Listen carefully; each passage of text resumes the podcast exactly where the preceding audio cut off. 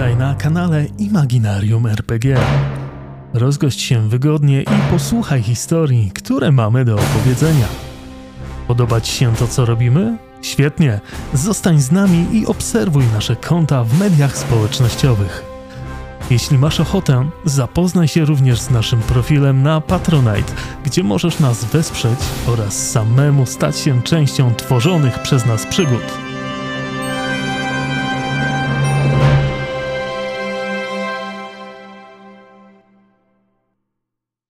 Dzień dobry, dzień dobry moi drodzy, witam was serdecznie. Jeżeli oglądacie nas na YouTubie, to przepraszam was za to, że zapomniałem włączyć transmisję i e, ominęło was intro, ale mam nadzieję, że wybaczycie e, jakoś to potknięcie. Jeszcze cały czas uczymy się tego nowego trybu e, streamowania.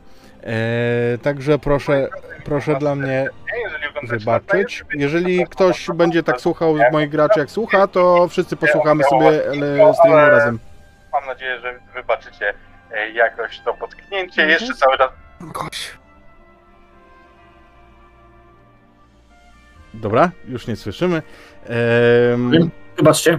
nic się nie dzieje. I moi drodzy, wracamy do opowieści e, z cyklu Jedyny Pierścień, Drużyna Pierścienia. Dzisiaj już dziesiąty odcinek, moi drodzy. Kiedy to minęło?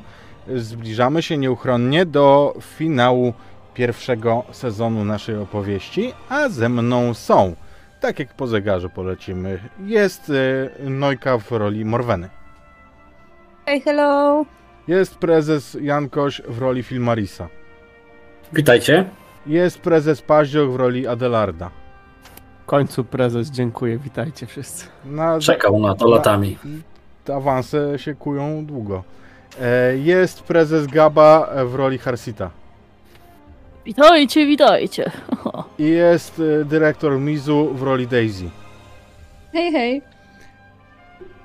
Moje drogie e, czaty, dajcie znać, czy wszystko dobrze słychać, czy jest w porządeczku na jednym i na drugim czacie. Raz jeszcze przepraszam Was za, za swoje potknięcie i za to, że mm, na YouTubie ominęło Was intro. No trudno. Raz w życiu mi wybaczycie. A wracamy dzisiaj do opowieści po tym, jak nasza drużyna, Szumisz Nojka, e, To nie Nojka, to A nie Jankoś Nojka, szumi? to Jankoś szumi, przepraszam. Z przyzwyczajenia powiedziałem. No kurczę. Em,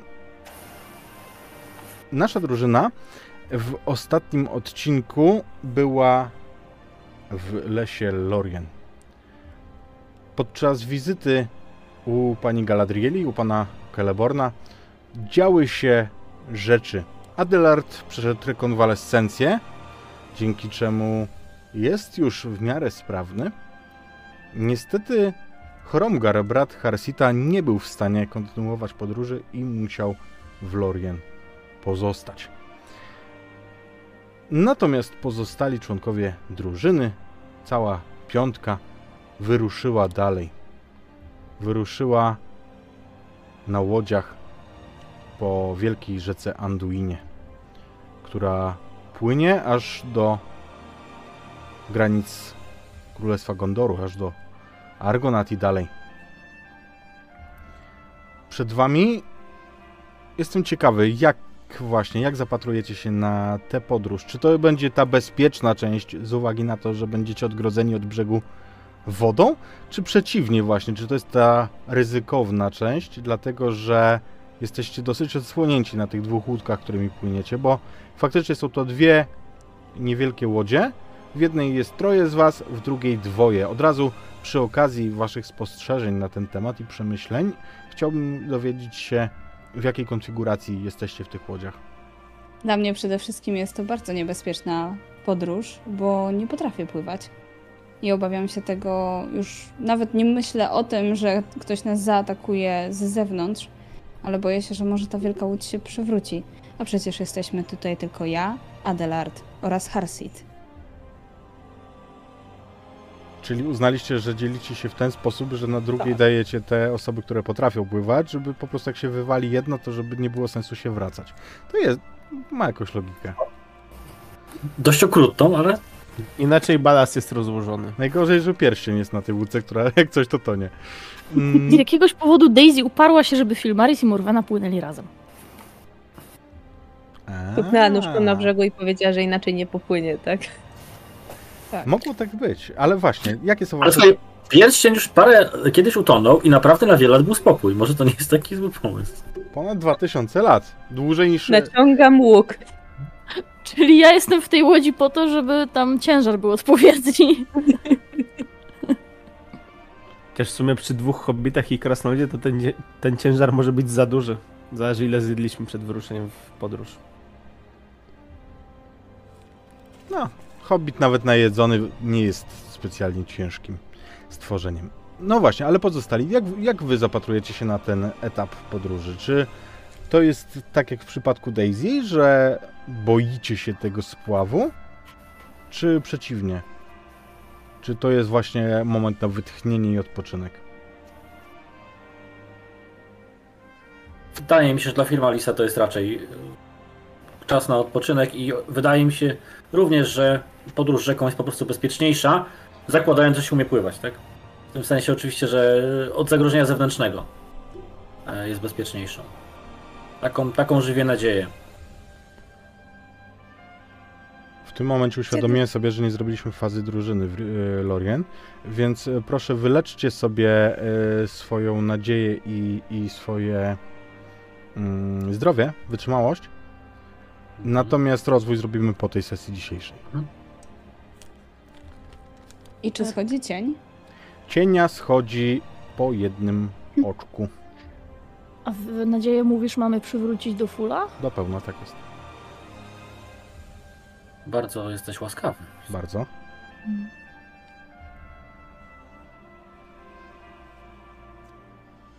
Y, W międzyczasie przyznam, że oczywiście Harsit y, niczego się nie boi. Między innymi nie boi się wody, a, a przynajmniej zapytany o to na pewno będzie twierdził, iż wody się nie boi. Y, Co do tego, w jaki sposób nerwowo siedzi na łodzi, próbując zachowywać balans, czyli żeby ta łódź nie, nie gibała się tak na boki, bo ona się bardzo gibała, kiedy Harsit wsiadał. Oj, bardzo. Myślę, że Harsit też przegląda nerwowo ekwipunek i raz zakłada jakiś element pancerza, za chwilę go zdejmuje. No przecież jak będą atakować, to może będzie potrzebny, ale z drugiej strony, jakbym miał tonąć, to może lepiej go nie mieć na sobie. I tak w pewien nerwowy sposób widać, że raz coś odkłada, raz coś przekłada, robi jakiś remanent w plecaku, potem trochę za bardzo tę łódź kołysze, więc przestaje robić ten, te porządki i, i siedzi sztywno i jedyne co zdaje się go uspokajać to właśnie pykanie fajki. I chyba na tym i na wypatrywaniu ewentualnych niebez, niebezpieczeństw na brzegach, na tym właśnie spędza czas Harsit w Łodzi. Widzicie, że jest nerwowy. To na pewno. Ma prawo. Myślę, że, że każdy daje to prawo krasnoludowi na, na łodzi, na największej z rzek. Teren, przez który płyniecie po wypłynięciu z Lorien, w pierwszej swojej fazie przynajmniej, jest dosyć górzysty, taki, no, może górzysty to za dużo powiedziane, ale wyżynny. Jesteście dosyć osłonięci w tym korycie. Natomiast im bardziej zbliżacie się do brunatnych pól, tym większą świadomość mają szczególnie Morwena i Filmaris, że za moment będziecie szalenie odsłonięci, że będziecie widoczni jak na dłoni. Ale faktycznie ten spływ jest szybki. I poruszacie się szybciej niż gdybyście mieli maszerować. Momencie, kiedy tylko dopływamy do tego miejsca, e, Morwena zdwaja swoje starania, żeby wypatrzyć niebezpieczeństwo możliwie szybko. Mm, To nie jest tak, wiesz, nie jest tak szybko bardzo, kiedy dopływacie, to myślę, że do tych pól dopłyniecie trzeciego dnia dopiero waszej podróży. To nie jest tak, że, że to będzie zaraz po wypłynięciu z Lorien. Ale faktycznie w ciągu tych dni poprzedzających wypłynięcie na otwartą przestrzeń ma miejsce tylko jedna sytuacja, która budzi jakieś jakąś uwagę, jakiś lęk? Zresztą sami powiecie o tym. A sytuacja faktycznie macie wrażenie przynajmniej, że jest nieprzyjemna. Bowiem wieczorem, jeszcze przed zmrokiem, ale już, już e, szaro robi się na świecie, kiedy ktoś z łódki płynącej z tyłu, czyli Adelard, Harsit lub Daisy, rzućmy sobie, zobaczymy kto. Chciałbym, żebyście rzucili sobie na czujność.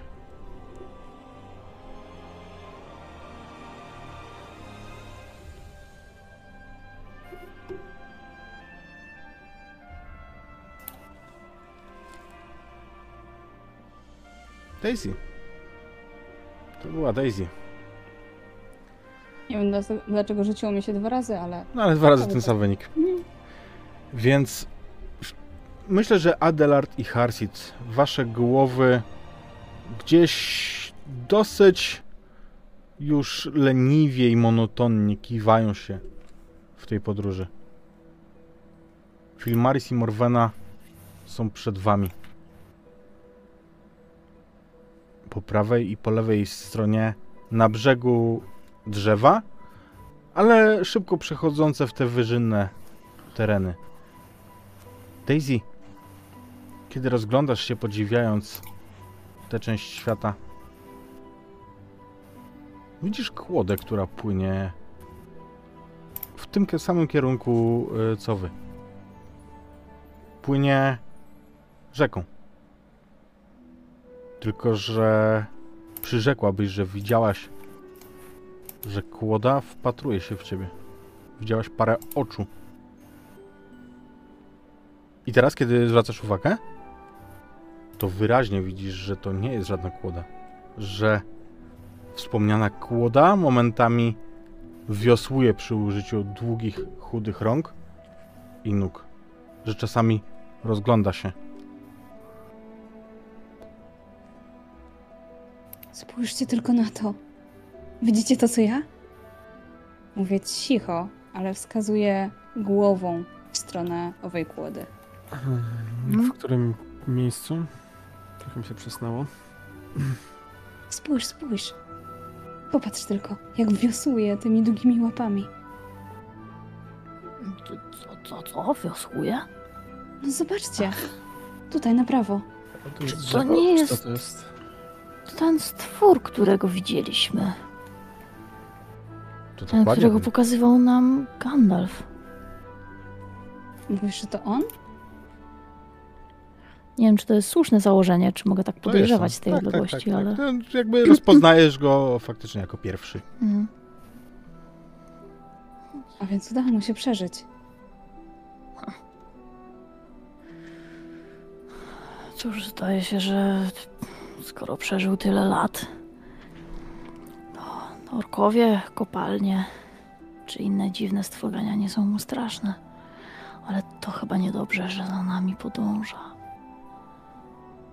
Podąża za pierścieniem. Czuję, że cały czas będziemy mieli ten ogon. Chyba, że się go jakoś zmyli. Powie się, że pierścień jest gdzie indziej i on sobie pójdzie za błędnym tropem. Podobno jest całkiem dobry w zagadki. Myślisz, że będziesz w stanie go przechytrzyć, Adelardzie? To jest dopiero zagadka. Nie wiem. Może się kiedyś dowiem. No, trzeba by go najpierw złapać i go zapytać. A nie wiem przecież, czy jest na tyle rozumny, żeby wdawać się z nami w bitwy na zagadki. Ha- Harsicie, ty nie podchodź zby, zbyt ambitnie do tego wszystkiego. Ja swojego nosa i swoje czupryny poza obręb tej łódki nie wystawię. Ale gdybyśmy tak... Zobaczcie, tam wystaje jedna gałąź. Jakby spróbować liną przyciągnąć tę całą kłodę. O.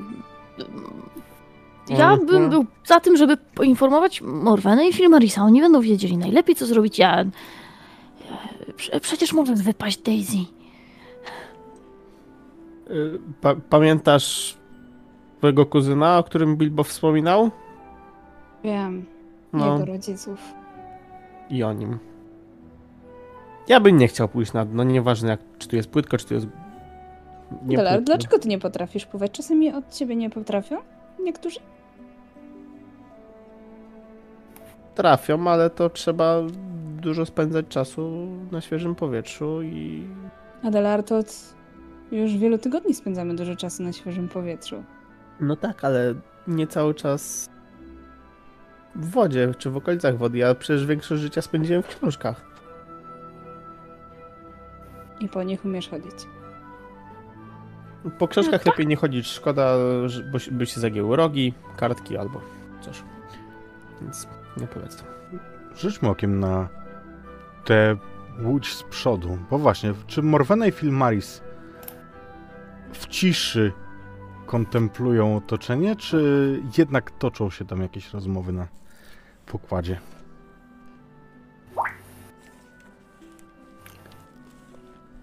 Myślisz, Morweno?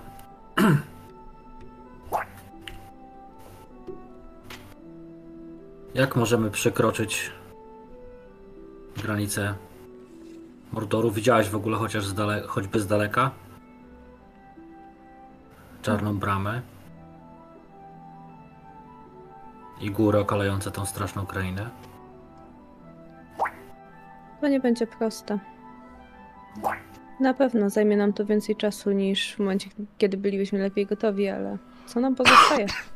Nie ma chyba lepszej drogi. Przyjdzie Tak. moment, kiedy mapy nie będą nam już sprzyjały. I nawet y, one nie pomogą nam w tej trasie.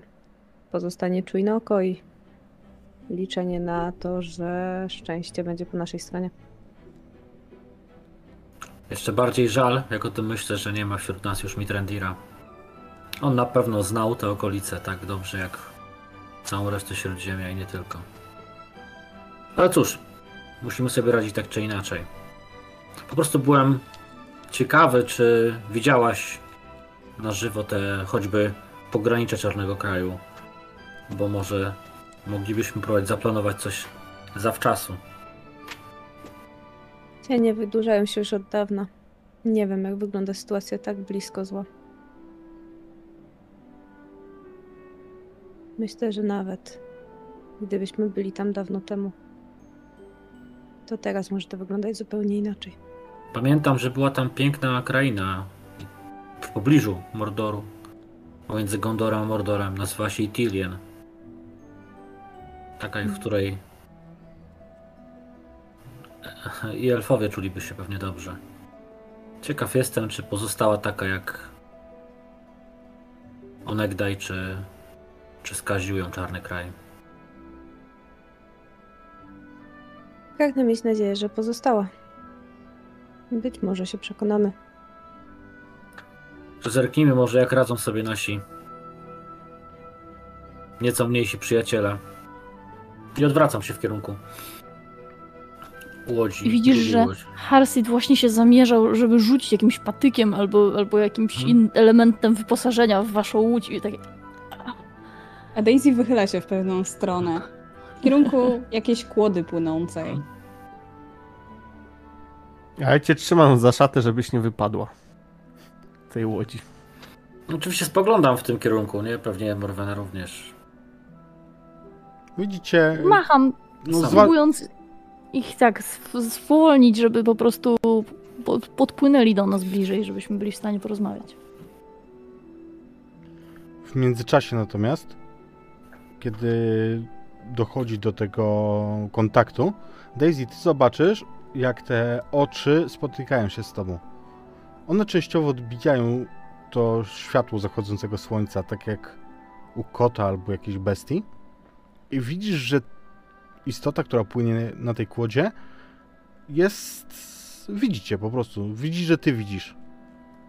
Czy on jakoś się płoszy tym, że mnie widzi? Bo ja utrzymuję kontakt wzrokowy. On, wiesz co, za, zamiera, bo wiosłował tymi e, rękami. To nie było, wiesz, takie mocne, intensywne wiosłowanie, tylko delikatnymi ruchami wiosłował, tak żeby sterować.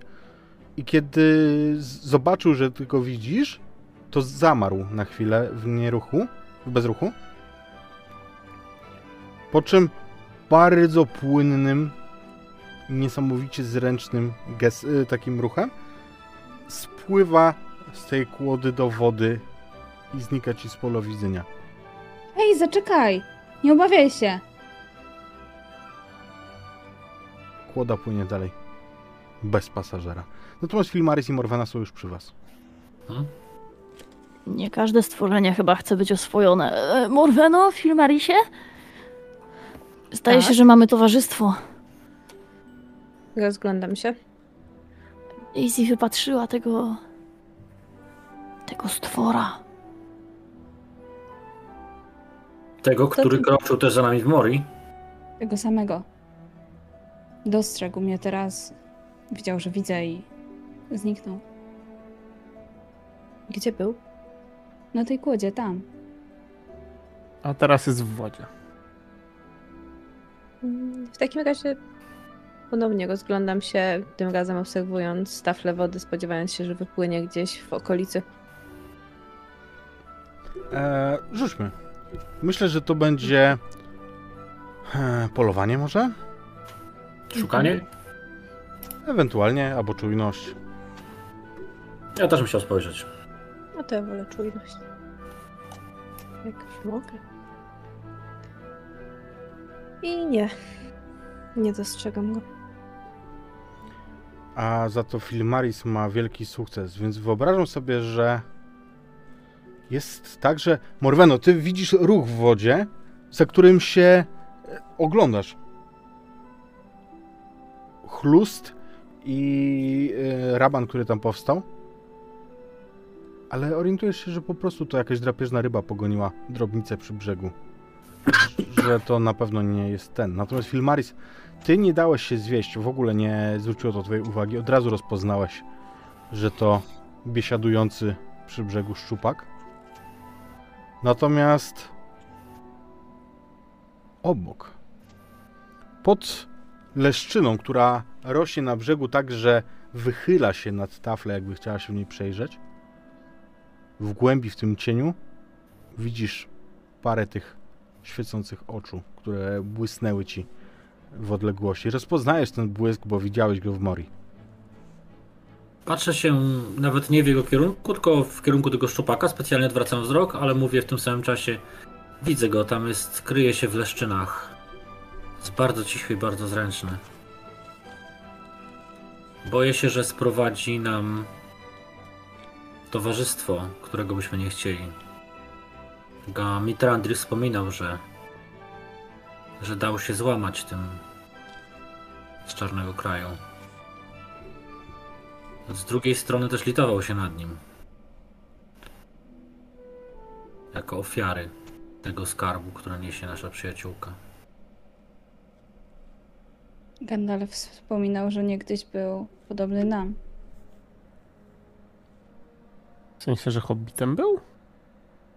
Czymś podobnym. Przodkiem hobbitów, bardzo dalekim. Tak przynajmniej ja to zrozumiałem. Niebywałe. To prawda, nawet gdyby nie, nie mówił tego Gandalf, Mitrandir, to sam nie mógłbym w to uwierzyć. Podobno pierścień ma naprawdę wielką moc.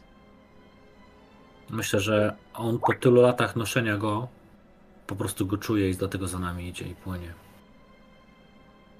Myślę, że gdyby miał zdradzić, gdyby miał zdradzić orkom, gdzie jesteśmy, już teraz by to zrobił. To, to nie wydaje się, jakby były ich metody.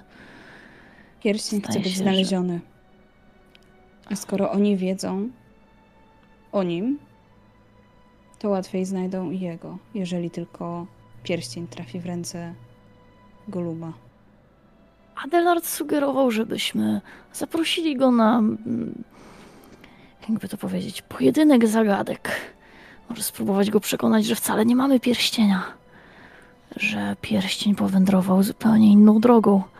Choć nie wiem, czy to by coś pomogło, czy to nie jest tak, że ten dziwny stwór czuje sam pierścień? Nie wiem, czy podąża za Daisy, bo wie, że ona go niesie, czy podąża za zewem pierścienia.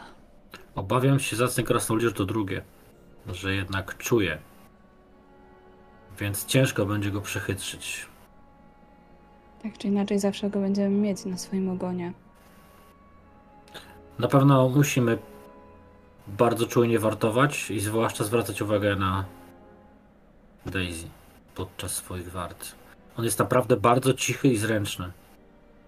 Ledwo go wypatrzyłem. Mhm, Takie Może- pytanie trochę trochę lorowe, trochę ten, czy elfy by korzystały z siatek na ryby w Łodzi, czy raczej elfy były czysto roślinne, jeśli chodzi o pożywienie? Według mnie korzystałyby. Nigdy nie, nie, nie znalazłem niczego, co było sugerowało wegetarianizm. Byli flisakami przecież nad Myśl, rzeką. Ja myślę, się, że wegetarianami mogą, mogą być tylko w pierścieniach władzy, a nie. To, to Myślę, nie. że spokojnie byłoby korzystały. Ja się zastanawiam, czy ewentualnie jakiejś sieci nie poszukać, czy nie mamy na tych naszych łódkach zostawionych i być może, nie wiem, zapolować na niego, żeby go schwytać i, I? nie wiem, I co dalej, Adelard- Adelardzie? Hmm. Wiesz, że ja teraz pewnie bez problemu mógłbym go trafić z łuku. Ale przecież my nie jesteśmy tacy. Ale nie, ja nie mówię o zabijaniu, tylko pochwyceniu, żeby mieć jakiś spos sposób zabezpieczenia go, żeby nam nie uciekł, tak? I co, I co? Ja wiem, i co dalej? Będzie, mielibyśmy go prowadzić tam? Dodatkowo jeszcze skupiać siły, energię na pilnowaniu jeńca? Sami nie chcielibyśmy być jeńcami. Nie róbmy mu tego. On się zbliży do nas prędzej czy później. Pierścień go wzywa. To Daisy. Pytanie, czy nie dojdzie do momentu, że zbliży się za blisko. Właśnie Będzie już za dlatego, późno. właśnie dlatego, Daisy, że myślisz tak, a nie inaczej i czujesz, to pierścień prawie nie ma na ciebie wpływu. Że nie chcesz pozbawić wolności żywej istoty, która nie zawsze była zła. Ganda, Mitrandir byłby dumny. Nie mamy wyjścia, musimy po prostu zachować, zdwo- przyjąć zdwojoną czujność. Zwłaszcza nocami na wartach. Mamy tą przewagę, się to. mamy tą przewagę, że wiemy, że za nami idzie i wiemy, kto za nami idzie.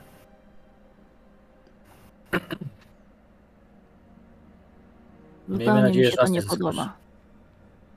Oczywiście możemy być czujni, ale wystarczy jeden błąd, jeden mały błąd i nas pierścień nie wzywa w taki sposób. Gdyby go skradł, bardzo ciężko byłoby go odzyskać.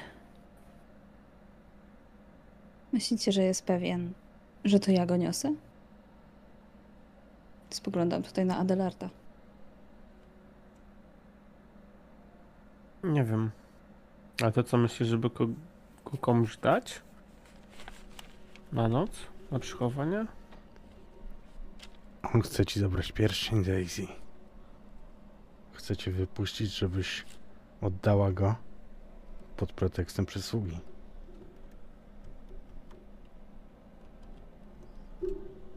Orweno, chciałabyś może zamienić się miejscami? Może w ten Nie. sposób sprawdzimy, czy on na pewno wie, które z nas go niesie. Ale nie wiem, czy będzie chciał się do nas zbliżyć. W ogóle. No i bo mm, zbliżam łódkę. I wyciągam do ciebie ręce, żeby pomóc ci przeskoczyć na naszą. Przeskakuje. Yy, W takim razie, kiedy się upewniam, że bezpiecznie siedzisz, Morwena zwinnie przeskakuje na drugą łódkę, sprawiając, że ta się chybocze, ale ona zdaje się tym zbytnio nie przejmować i swobodnie usadza się wewnątrz łódki. I teraz Murwena jest w tej samej łódce co Adelard i Harsit. Tak. A- Przez cały ten czas Harsit trzymał się dwóch burt jednocześnie. Daisy, masz Siedzisz- poczucie ulgi, kiedy oddalasz się po tej myśli od swojego kuzyna. Oddycham ciężko. I kiedy odpływamy, oglądam się przez ramię na Filmarisa. Mylisz się. Gandalf nie byłby ze mnie dumny.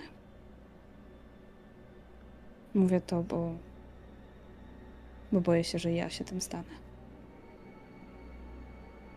Ale Daisy, strach nie jest powodem do wstydu. I Mówisz do braku strach? dumy.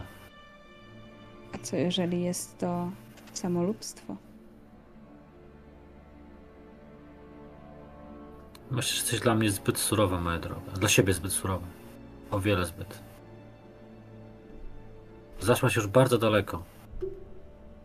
Widziałaś wiele zła, a jednocześnie zachowałaś sobie litość dla słabości. Litość dla twojego wroga, który może chcieć ci uczynić krzywdę. To jest większe zwycięstwo niż jakakolwiek walka zbrojna, którą do tej pory nasza drużyna zaczęła. Może masz rację.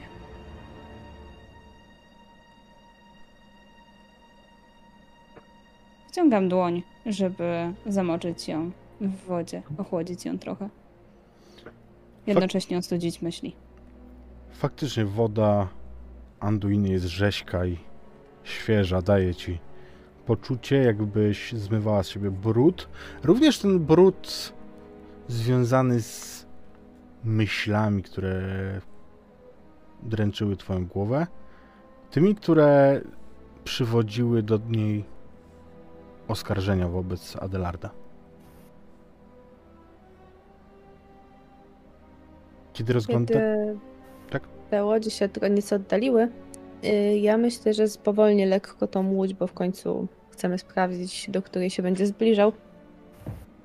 Utrzymam dystans na tyle, by było to sensowne. Natomiast spod tej leszczyny on w ogóle nie wypływa za wami.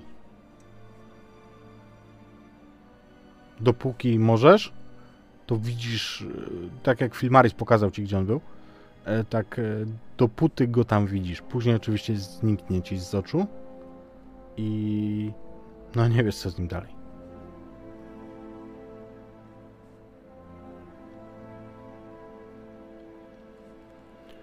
Choć objawi się znowu. Ale to dopiero kolejnego dnia. Już po wypłynięciu na pola. Cały czas po- zapominam nazwę tych pól.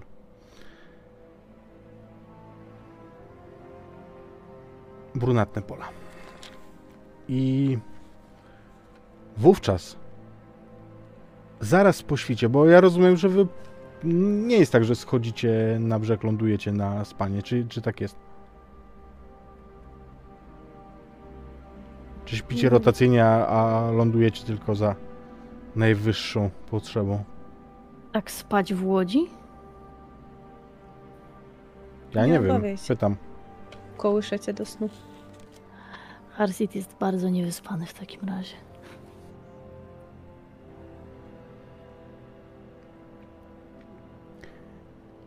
I No myślę, że śpimy rotacyjnie. Część z nas może zasnąć zresztą nawet za dnia.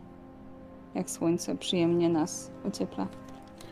no, myślę, że niewątpliwym jest, że e, Morwena by nie pozwoliła na spanie tak, żeby wszyscy spali, dlatego że dobrze wiesz o tym, że na rzece Anduinie jest takie miejsce, które nazywa się Progi. Sarngebir i to jest bardzo niebezpieczne miejsce, więc y, to nie możesz sobie pozwolić, żebyście przypadkiem tam po prostu wpłynęli śpiąc.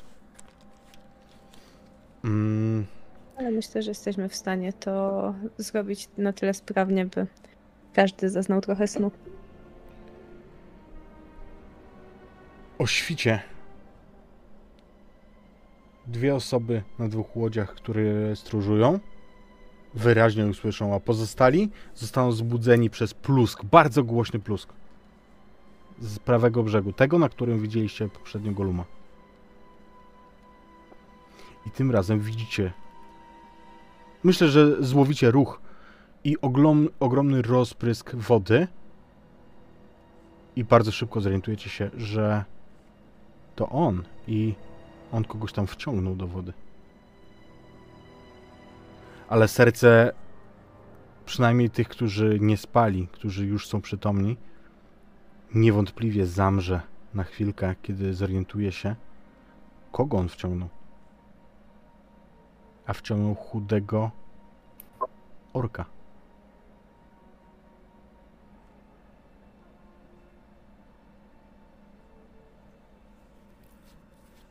Słyszycie tą walkę tam e, w wodzie, szamotaninę, plusk, konwulsyjne kopanie wody nogami orka, który jest topiony przez pokracznego stwora.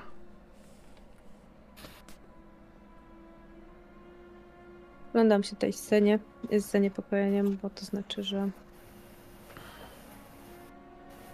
nie podróżujemy tak szybko, jakbyśmy chcieli. Ani tak bezpiecznie. Mhm. Co? Morwano, co, co tam się dzieje?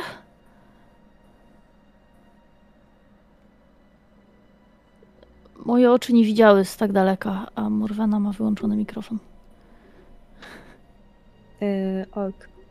Golem właśnie upolował ork. Je, jeju, co, ork? Tutaj? Polował. Cicho, cicho. Gry, czy- Mhm. Czy mój elficki miecz, czy to świeci się jak jest ten orkowie w pobliżu? jak go dobywasz, to Tak. zobaczysz, że świeci się i jaśnie. Tak, wyciągniesz go w momencie, jak on wiesz, jak on, jeszcze widzisz ten poblask, ale on już wygasa, tak jakby ten ork był jedyny. E, natomiast Morweno, ty Mhm. jako strażniczka, ty znasz ten rodzaj orków, a widziałaś go dosyć dokładnie po sylwetce. To jest snaga, sługa, ale ty wiesz, że to są szpiedzy, tropiciele, małe, zwinne gobliny, które, które są właśnie często wypuszczane na zwiady. Mhm. To znaczy, że właściwie Golem oddał nam przysługę. Teoretycznie tak, ale jakiż silny musi być ten stwór, żeby gołymi rękami z... zadusić w ten sposób orka. Jest świetnym tak pływakiem. Spoglądam trochę tak z niepokojem na Daisy, bo tak sobie myślę, że mamy dużo litości, a szczególnie ona, dla tego dziwnego stworzenia. Podczas gdy tak naprawdę to bardzo niebezpieczna istota. Powinniśmy mieć się na baczności tak bardzo i tak często, jak to tylko możliwe. Obawiam się, że którejś nocy znajdziemy tego stwora pośrodku naszego obozowiska. Nie zorientujemy się nawet kiedy. I będziemy musieli się bronić. Zatem czy jesteśmy pewni, żeby płynąć cały czas? Skoro on jest takim dobrym pływakiem. Może jednym susem wskoczyć. Ściągnąć któregokolwiek z nas. I szybko, szybko skończyć nasz żywot. Mimo wszystko mamy przewagę. Jest nas więcej. My również potrafimy pływać i zapewne walczymy zdecydowanie lepiej niż on. O niektórzy. Dlatego może i dobrze, że Morweno jesteś z nami w tej łodzi, a Filmaris będzie w drugiej. Gdyby. Gdyby ktoś wciągnął Daisy do wody. Ja. Nawet jeśli za nią wyskoczę, nie jestem pewien, czy wypłynę jeszcze kiedyś na powierzchnię. Ty na pewno byłabyś w tym zdecydowanie lepsza. Miejmy nadzieję, że nie będzie potrzeby tego sprawdzać. Mimo wszystko.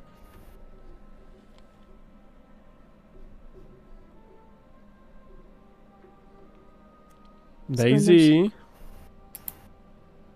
A może Mhm. ty się przywiąż do łodzi, żeby cię nie wyciągnął? A jeżeli przewróci łódź?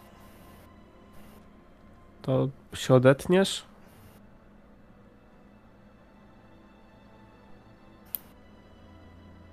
Mrużę oczy. Jestem bezpieczna z Filmarisem, nie bój się. Dobrze, cieszę się, ale uważaj na siebie.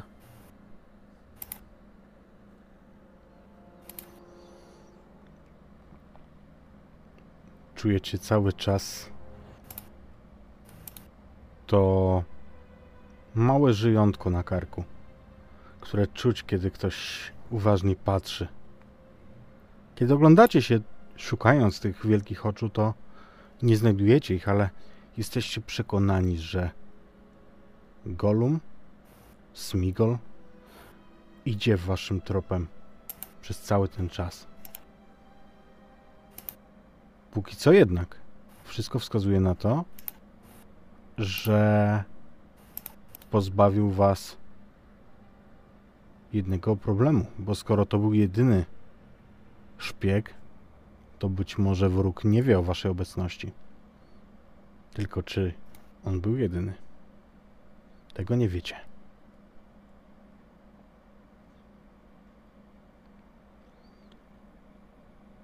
Myślę, że poza nadzieją obecnie nie pozostaje nam nic więcej. A nadziei mamy sporo.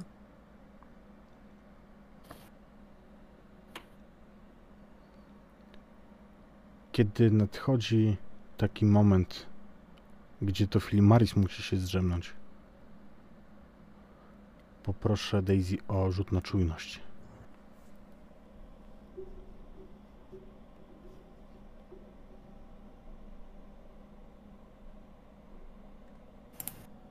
Zwykły sukces. Masz zdecydowanie za dobre rzuty. Jeden cień uciekł to. Zorientujesz się bardzo późno. Nie wiesz tak naprawdę po czym. Może przymknęły się na chwilę twoje oczy, może się zdrzemnęłaś.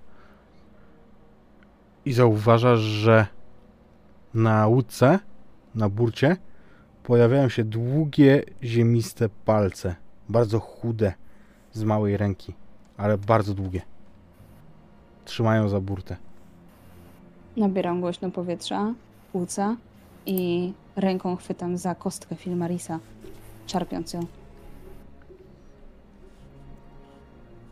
Myślę, że elf śpi na Mhm. tyle czujnie, że, że na pewno od razu się zerwiesz. Pokazuję. Wiesz Co, to ja.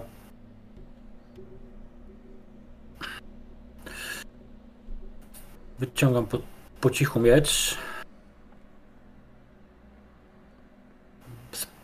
Jak się pojawi głowa tego czegoś, to próbuję go trafić, niestety. Płazem, co prawda, ale jednak. Ja również szykuję żonę. To już jest jawna, ła- to już jest jawna napaść, no. Wiesz co, rzućmy sobie, czy wyciągając miecz po prostu, czy zrobisz to bezgłośnie, czy, czy go spłoszysz, czy, czy nie. Em, więc e, w- sprawdźmy w ten sposób, proponuję. I dla mnie to jest rzut na zwinność może? Albo skradanie. Albo skradanie? Nie, to ja wolę zwinność.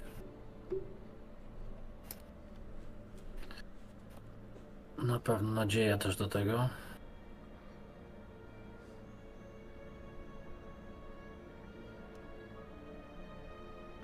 Sukces. Sukces, Sukces. dobrze, więc e, zapraszam cię do ataku. Normalnie wy, wyprowadź atak bronią, tylko nie policzymy obrażeń tak jak e, normalnie. To też jest bardzo ważne, więc też wykorzystam odzyskaną nadzieję. Chociaż coś jeszcze za...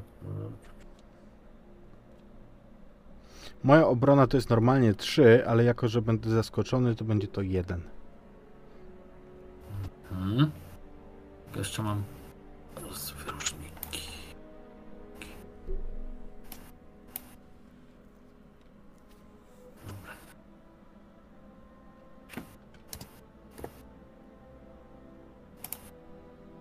Wielki sukces.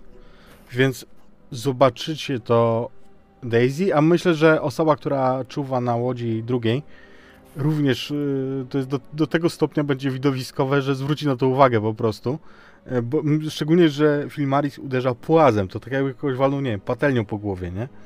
Mm, płaskim, płaskim y, metalowym przedmiotem, więc widzicie tę twarz i głowę łysą, na niej tylko drobne kudły, siwe, pojedyncze pasma.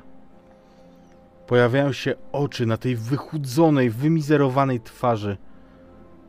Oczy, które przystosowały się do życia pod ziemią. Tam, gdzie słońce nie dociera. I kiedy istota tylko wyziera z ponad burty, no to jest ta reakcja film Marisa. Słyszycie, aż się niesie. I e, oczywiście ręka puszcza burtę.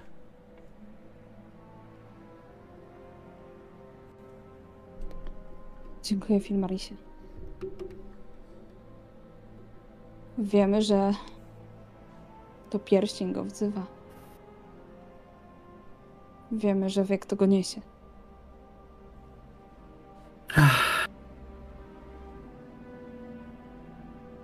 Wyczuwa to jednak dokładnie.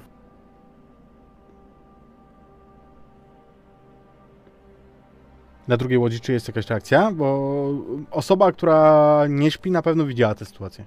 Czy jeżeli Filmaris miał spać, to myślę, że Morwena czuwała, tak żeby nasi bardziej sprawni wodnie przyjaciele byli, byli przynajmniej jedne się. były przytomne. Więc myślę, Mhm. że na dźwięk, yy, yy, na te wszystkie dźwięki, jedyne co Harsis zrobił, to co tam się dzieje? Co tam się dzieje? Ja wypatruję jakiegoś ruchu. Ty widziałaś to, widziałaś to, nie? Jakby jak on uderzył, to wiesz, na ten dźwięk uderzenia, który się poniósł, to ty jeszcze widziałaś tego stwora, który odpadał od burty. Mhm. Ja wypatruję w to miejsce, w które on odpadł, tak naprawdę, żeby zobaczyć, czy gdzieś w okolicy wypłynie, czy faktycznie będzie jakieś dalsze działanie z jego strony. Czy może ucieknie. Kiedy patrzysz długo, za długo, utopił się? Chyba nie. I dopiero po jakimś czasie dostrzegasz, że wynurzasz się z wody przy brzegu. Bardzo długo wytrzymał na jednym oddechu. Widzisz, że przy tym brzegu kuca także kolana ma zaraz przy twarzy i trzyma się oburącz za głowę. Tak Mhm. jakby faktycznie rozmasowywał bolącą ranę albo, albo guza. O, Golum. Filmarys go odpędził. Ale niesamowite. Ten stwór będzie wracał i wracał i wracał. Nie dostaniesz nas, poczwaro! Nie pozwolimy na to! Z- Zostań tam na swoim brzegu już... Adelard spał. Już nie. Już pewnie nie śpi.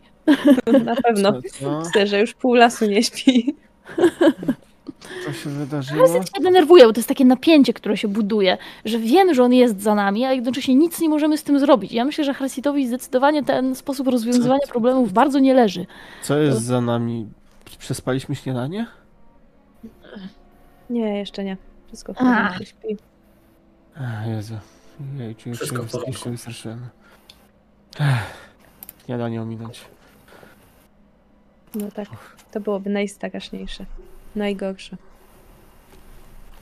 Uśmiecham się pod nosem eee, i wpatruję się w ciemność nieco za nami, gdzie pozostawiliśmy przynajmniej chwilowo z tyłu Goluma. On Wybacz mi widzi, że siedzi tam na brzegu. emocje. Wygląda jakby płakał, tak naprawdę. Oj. Sam się prosił, no.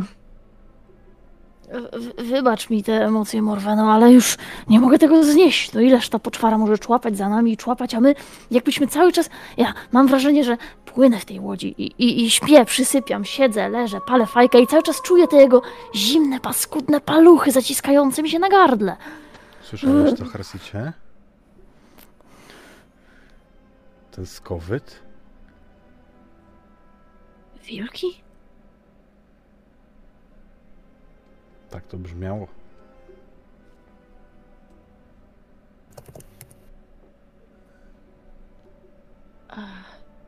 Dokładnie z tego brzegu, na którym właśnie patrzyliście, no bo rozmowa była o, Mhm. o Golumie, który wypłynął na prawym brzegu rzeki. Przyglądam się na, na tyle długo, na ile jesteśmy go jeszcze w stanie widzieć. Czy te. Bo zakładam, że ja też słyszałam te wilki. Czy one były daleko? Wiesz co? Dosyć daleko. Natomiast kiedy Mhm. uważnie teraz patrzycie za tym dźwiękiem, to był jeden wilk, to nie odpowiedział Mhm. inne, to widzisz go nawet. Masywna istota. Bardzo duży basior. Widzisz go na wzgórzu. Pewnie z półstajania od rzeki. Także wygląda jakby, jakby obserwował stamtąd rzekę. Ale kiedy przyglądasz się uważniej, a zwłaszcza Filmaris, który ma lepsze oczy, to zobaczysz, że wilk nie jest sam. Że na grzbiecie ma jeźdźca. Panie mistrzu gry, czy ten, ten je, to jest w jakikolwiek sposób zasięgu łuku, czy nie? Mm, Nie, nie, nie, nie. Nie, to jest pustajanie, nie, to nie, to, to nie, rzeczywiście nie. Powinniśmy pospieszyć łodzie i uciekać stąd czym prędzej. Obawiam się. Spieszyć te łodzie jak konie. Ani Trzeba łodzi nie nie potrafi, ani koni nie potrafi pospieszyć. Co to jest w ogóle za podróż? Uff. I wyciąga fajkę i To było z innego miejsca. To było z przodu.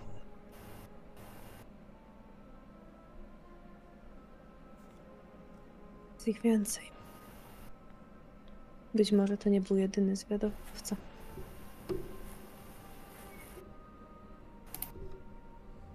A więc co, walka? Tutaj? Jest nas tylko pięcioro. A co jest na drugim brzegu? Może drugi brzeg jest bezpieczniejszy? Nie mam pewności. Ale wypatruję i nasłuchuję, czy... czy może faktycznie coś i tam będzie się odzywać. Bo czy ja dobrze rozumiem, że wilki było słychać z tego brzegu, gdzie nie ma Goluma? Wilki są z Nie, wilki... prawej, a Golum jest z lewej, czy na odwrót? Jedni i drudzy są po prawej. A, jedni i drudzy są po prawej. I ile nam zostało jeszcze, e, Morweno, w Filmarisie? Do tego miejsca, gdzie będziemy musieli zsiadać? Do progów czy, czy wodospadów? Możemy to jakoś, wiemy, czy mamy jakoś Wiecie. rzucać, Nie, nie, nie, nie. Wiecie, mm, bo mm, zresztą była ta scena, gdzie, gdzie oglądaliście mapy. Wiecie, Mhm. że takie miejsca zasadniczo są dwa. No bo Mhm. przed Argonat, przed słupami królów są progi, które są takimi bystrzami pomiędzy kamiennymi wyspami. Bardzo niebezpieczny nurt tam jest. Tam faktycznie dużo łatwiej będzie po prostu wylądować i przenieść łodzie przez ten fragment. Natomiast jeszcze dalej, za Argonat, za wielkim jeziorem Nenhitoel, no tam już jest kłopot, bo tam są wodospady Rauros. Wodogrzmoty. Więc do miejsca pierwszego, które e, opisałem, czyli do Sarengebir, do progów, powinniście dopłynąć na zajutrz.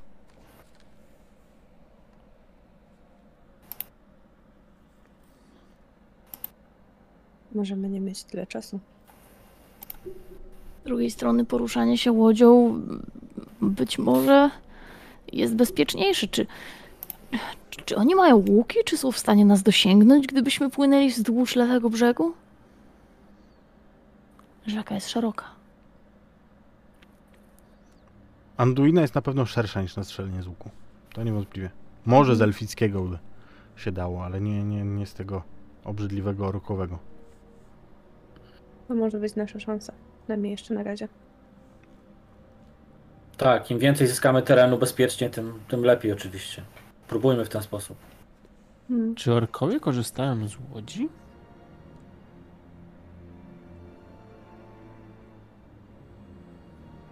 Nie wiem, korzystają już gry?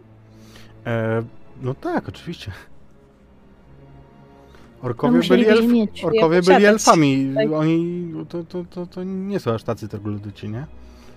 E, Oni cywilizacyjnie, wbrew pozorom, w miarę, w miarę mają te podstawowe narzędzia.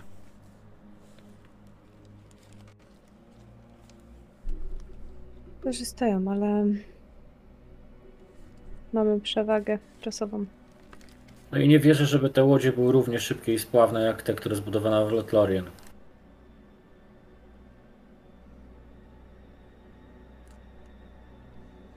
To wygląda na to, że trzymanie się lewego brzegu, póki poza zasięgami łuków potencjalnych i ewentualnie później ucieczka na łodziach.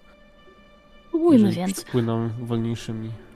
Mamy wiosła, możemy spróbować powiosłować trochę szybciej, popłynąć lewym brzegiem tak długo, jak to tylko będzie możliwe, a jeżeli zmuszą nas do tego, jeżeli zaczną strzelać, wysiądziemy na lewym brzegu i kontynuujemy podróż na piechotę. Czy lewy brzeg nam pasuje w kontekście dalszej drogi? Jeżeli porzucimy łodzie, nie będziemy w stanie już przekroczyć Anduiny. W którymś momencie i tak musieliśmy pozbyć się łodzi. Nie możemy płynąć w nieskończoność. Choć wydajesz się przywykać. Mówiąc nad stołem, wy wiecie o tym, że zasadniczo lewy brzeg zupełnie by wam pasował, bo na lewym brzegu jest Mordor. Natomiast gdybyście wysiedli tutaj, to by oznaczało, że musielibyście się przeprawiać do tego czarnego kraju najpierw przez labirynty Emin Muil, skaliste, niegościnne kraje, natomiast za nimi przez martwe bagniska. Jeszcze gorzej. Więc dałoby się, ale to byłaby bardzo trudna droga. Więc na razie możemy zostać w łodzi, póki jeszcze możemy płynąć. Przynajmniej tak będziemy próbować. A potem i tak zejdziemy, kiedy tylko będziemy do tego zmuszeni. Harsit na pewno sięga po wiosła i będzie próbował popędzać i, i sprawić, żeby łódź płynęła jak najszybciej, jak tylko potrafi, licząc na to, że siła zrekompensuje jakiekolwiek umiejętności. I bieg rzeki również będzie pomagał trochę w, tej, w tym przedsięwzięciu. No, jakby nie patrzeć, zgadza się Wektor. Mm, dobrze. Orkowie ani wilki nie dają o sobie znać tego dnia.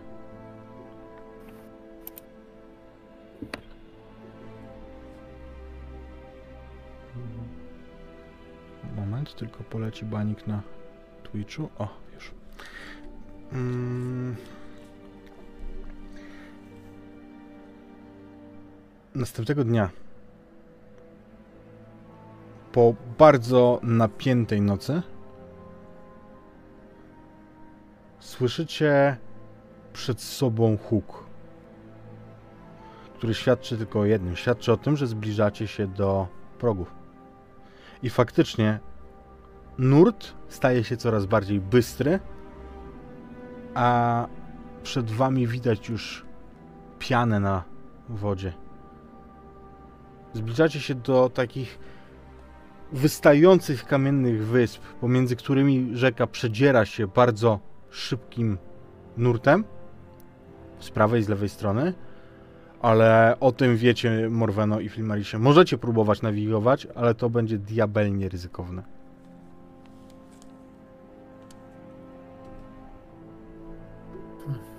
Nie będziemy ryzykować. Nie, nie przy takim osobach, które nie potrafią pływać przede wszystkim.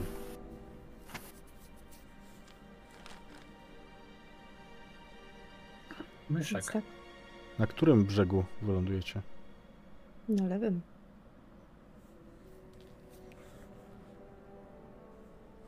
Zdecydowanie na lewym. Lewy brzeg. Ten, na którym kawałek dalej była wieża nasłuchiwania. Bliźniacza do Amonhen, tylko po drugiej Amon stronie. Haf. Może. Wysiadacie pomiędzy drzewami, bo tutaj las dochodzi aż do brzegu. Każdy krok na lądzie, przynajmniej na początku, stawiacie tak, jakby za chwilę miało wypaść na was stado złych istot, oddział orków.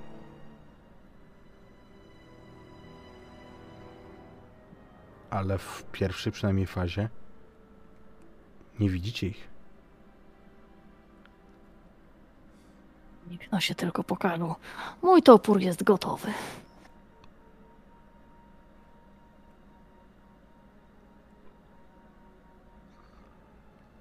Mężczyzna, którego dostrzeżecie jako pierwszego w tej krainie, nie może was przywitać. Skutecznie utrudnia mu to rozerżnięte gardło. Znajdujecie zwłoki leżące w krzakach kilkadziesiąt metrów od rzeki, kiedy obchodzicie te bystrza. To nie jest świeże ciało. Znaczy nie świeże. Rozumiem to przy, w ten sposób, y, rozwinę może, że to nie jest tak, że przed chwilą go ktoś zabił. Natomiast to jest y, o tyle świeże, że to nie jest, nie są zwłoki sprzed tygodnia, tylko z wczoraj może, może z dzisiejszego poranka. Rozumiem.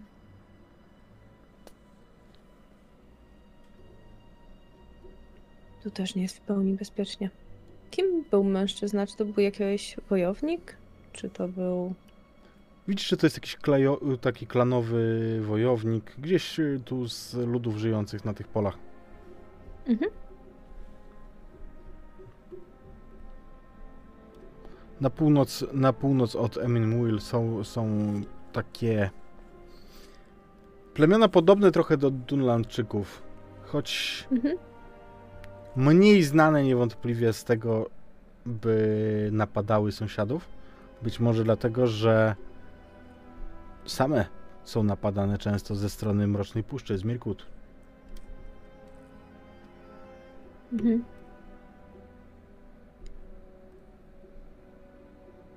To po- prostuję się. Oglądam się na drużynę, która przed chwilą podbierała się na brzegu. Jak się czujecie?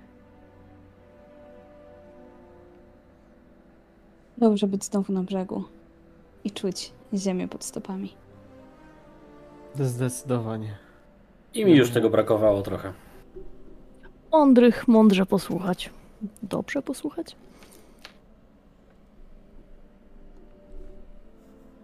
Dal mi się stąd.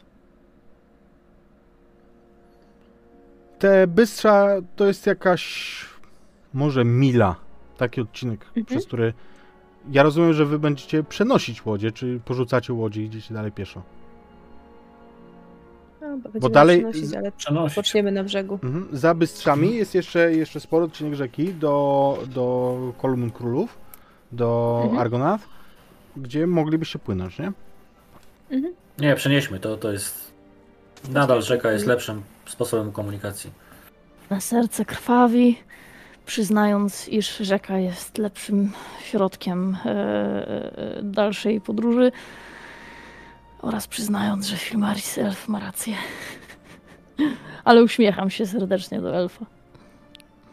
Odwzajemniam uśmiech. No, Harsicie udało nam się przeżyć. I nikt z nas nie wylądował w wodzie. Powiem ci, droga Daisy, czułbym się trochę lepiej, gdyby wszystkim nam udało się przeżyć, ale jakimś cudem dowiedlibyśmy, iż posiadamy wszyscy tajemną zdolność pływania, nie wiadomo skąd, nie wiadomo jak. Y, Zostaliśmy nią pobłogosławieni, na przykład przez elfy z Lorien. Fakt, iż żadne z nas nie wpadło do wody, poprawia mi nastrój jedynie częściowo, ponieważ to zagrożenie nadal wisi nad naszymi głowami. Harsidzie, może, Ale tak, może chcecie poćwiczyć? ćwiczeń, i tak zarzucam teatralnie topór na Mhm. ramię, ćwiczeń jeszcze będę miał dość. Dziękuję Miałem na bardzo serdecznie. Pływanie, ale rozumiem, szanuję, tylko proponowałem. Będzie na to jeszcze kiedyś pora w czasach pokoju. Teraz moja czujność jest zdecydowanie potrzebna gdzieś indziej, nie sądzisz?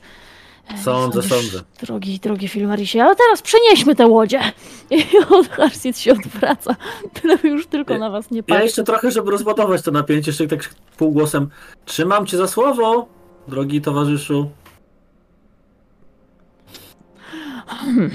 Myślę, że to ro- rozładowanie teraz bardzo się przyda. Zwłaszcza, że przed chwilą trafiliście na bestialsko zamordowanego człowieka, co moim zdaniem Mhm. powinno doprowadzić nas do testu męstwa lub mądrości.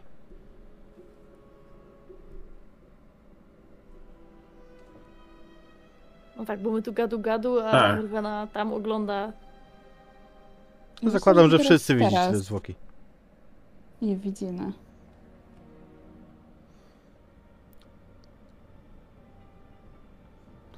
Tych, którzy nie zdali, poproszę o podniesienie cienia o jeden punkt.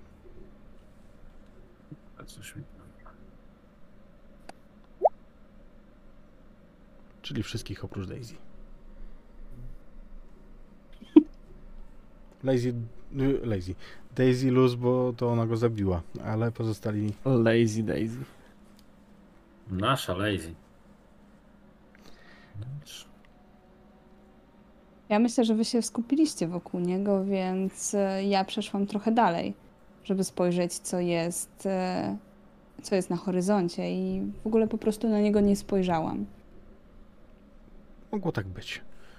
Pozostali natomiast widzicie te poszarpane rany na jego gardle, zadane ewidentnie tępą klingą, która nie była dobrze wykonana, nie była ostra jak trzeba.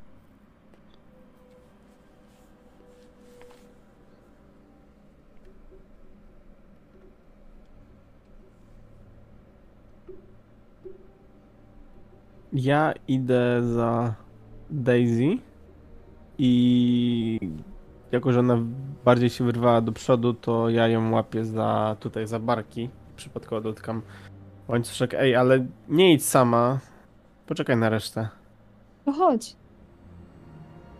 Okej. Y, Morweno, pójdziemy na zwiat. Niedaleko. Idę z wami. I podążam za nimi parę kroków, żeby mieć ich na oku, ale oczywiście to oni robią zwiat. Mhm. Dobrze. Więc rozumiem, że Harsit i Filmaris zostają z dwiema łodziami. Tak, będziemy się uczyć pływać. Tak, tylko się upewniam. Nie no, E. mamy na razie odpocząć. I oczywiście, A żartuję. jaki jest lepszy odpoczynek od spacerów? Dobrze więc. Więc Daisy i Adelardzie, jedno z was poproszę o rzut, a ale z pomocą drugiego, jeżeli sobie życzycie, możecie jak Ja chętnie sobie na rekonesans bym rzuciła. Właśnie tak. Zatem z dodatkową kostką. I myślę, że wpakuję w to nadzieję i fakt, że jestem bystrooka. Bardzo proszę. Wielki sukces. Trafiacie więc. Daisy trafia. Na, chociaż Morwena myślę, że widzi to z daleka, tylko po prostu nic nie mówi. Na opuszczone obozowisko. Trawa jest tutaj wydeptana, wypalona. Jest bałagan, widać, że zostały tu kości po jakiejś upolowanej zwierzynie. Widzisz też, że leży tutaj otwarta sakiewka. Po prostu skórzana e, sakiewka, ale, ale, ale tak jakby ktoś zabrał jej zawartość. Ślady ogniska popiół wskazują, że tego ranka tutaj ktoś obozował. Morweno, ty widzisz, że to był przynajmniej kilku osobowy oddział. Po tym, jak jest to wydeptane i jakimi buciorami, możesz zakładać, że nie byli to ludzie. Mhm. Yy, Rozglądam się więc czujnie, ale też yy, daję szansę naszym dzielnym hobbitom. Co widzicie? Podnoszę sakiewkę. Wywracam ją na, drugi, na drugą stronę. Staram się przejrzeć tę wydeptaną trawę, czy coś tutaj mamy. Myślę, że znajdziesz w jednym miejscu segment od e, zbroi takiej, mm, takiej fragment płytówki mm, z rękawicy. Mhm. Czarna blacha, usmolona, śmierdząca. Wycieram ją o tę trawę i przyglądam się, a później podchodzę do Morweny. To nosi takie zbroje. Wilkowie. Morweno, jest jedna rzecz. Z tej strony. Ty Mhm. zauważysz, że od strony wewnętrznej, tak jakby, wiesz, od strony dłoni, ten fragment jest upaprany jak czymś białym. To jest biała farba. Schnie- Wyschnięta już, nie? Ale widzisz, że z jednej strony Mhm. był pomalowany ta rękawica albo, albo ten pancerz. Miał na sobie jakiś symbol.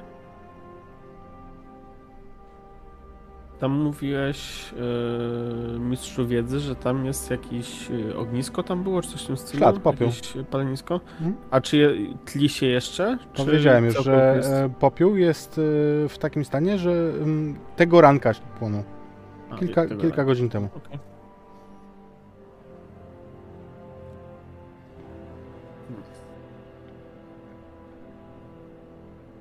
Teraz jest tu cisza.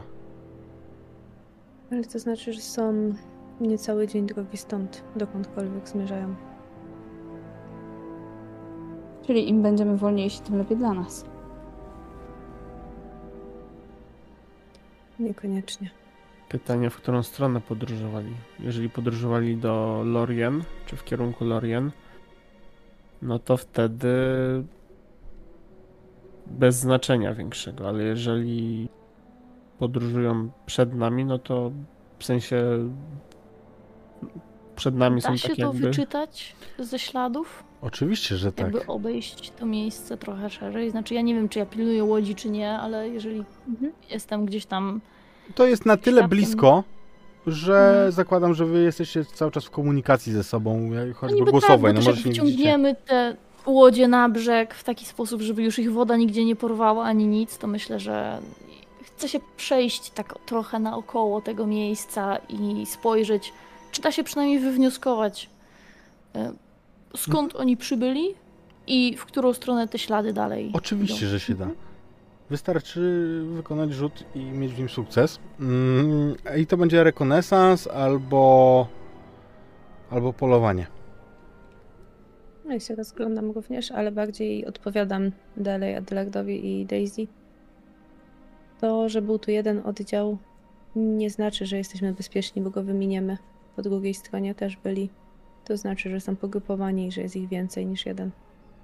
No to musimy się spieszyć. Wracajmy do łodzi, przenieśmy je. Harry, niesamowicie jest to zadeptane. Są ślady prowadzące wzdł- wzdłuż rzeki, ale tak naprawdę, ty wiesz, ta ścieżka jest tak zadeptana, że ty nie wiesz, czy oni stamtąd przyszli, czy tam poszli.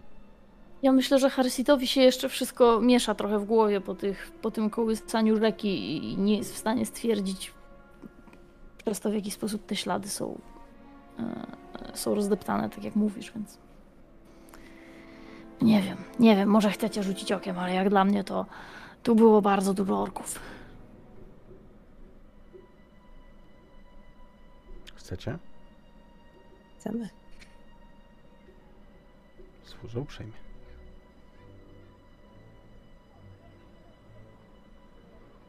Ale chyba faktycznie jest to totalnie zadeptane. Wszystko na to wskazuje. Trudno powiedzieć. Nie widzicie ich, nie słyszycie ich. Byli tu rano, teraz nie wiecie, gdzie są. Odpoczywacie w tym miejscu i ruszacie wzdłuż Bystrzy. Te łodzie nie są bardzo ciężkie. Elfowie potrafią robić smukłe, gra, zgrabne y, łodzie, ale jednak mimo wszystko nie zostały zaprojektowane z myślą o przenoszeniu ich. Więc niewątpliwie umęczycie się przy tej robocie. No cóż, nie można ich o to winić. No ale chwila odpoczynku na pewno się przydała. Ciekawy sposób będziemy musieli te łodzie nosić przy takich dysproporcjach wzrostu naszej kompanii. My możemy po prostu wyciągnąć ręce ku górze i ktoś z tyłu Albo na głowach. trzymał. No, no właśnie. Jakoś sobie poradzimy. Z odległości słyszycie krzyk. Niski, męski, tubalny głos krzyczy Gimbul! Zastanawiam się, czy Morweno, czy ty mm, znasz czarną mowę Mordoru? Bo że pozostali nie znają, to jestem niemal pewny. Mm, wydaje mi się, że nie. Więc słyszysz Ewentualnie mogę sobie rzucić na log, na wiedzę. Możesz. Dowiedzieć się, czy może coś jednak wiem.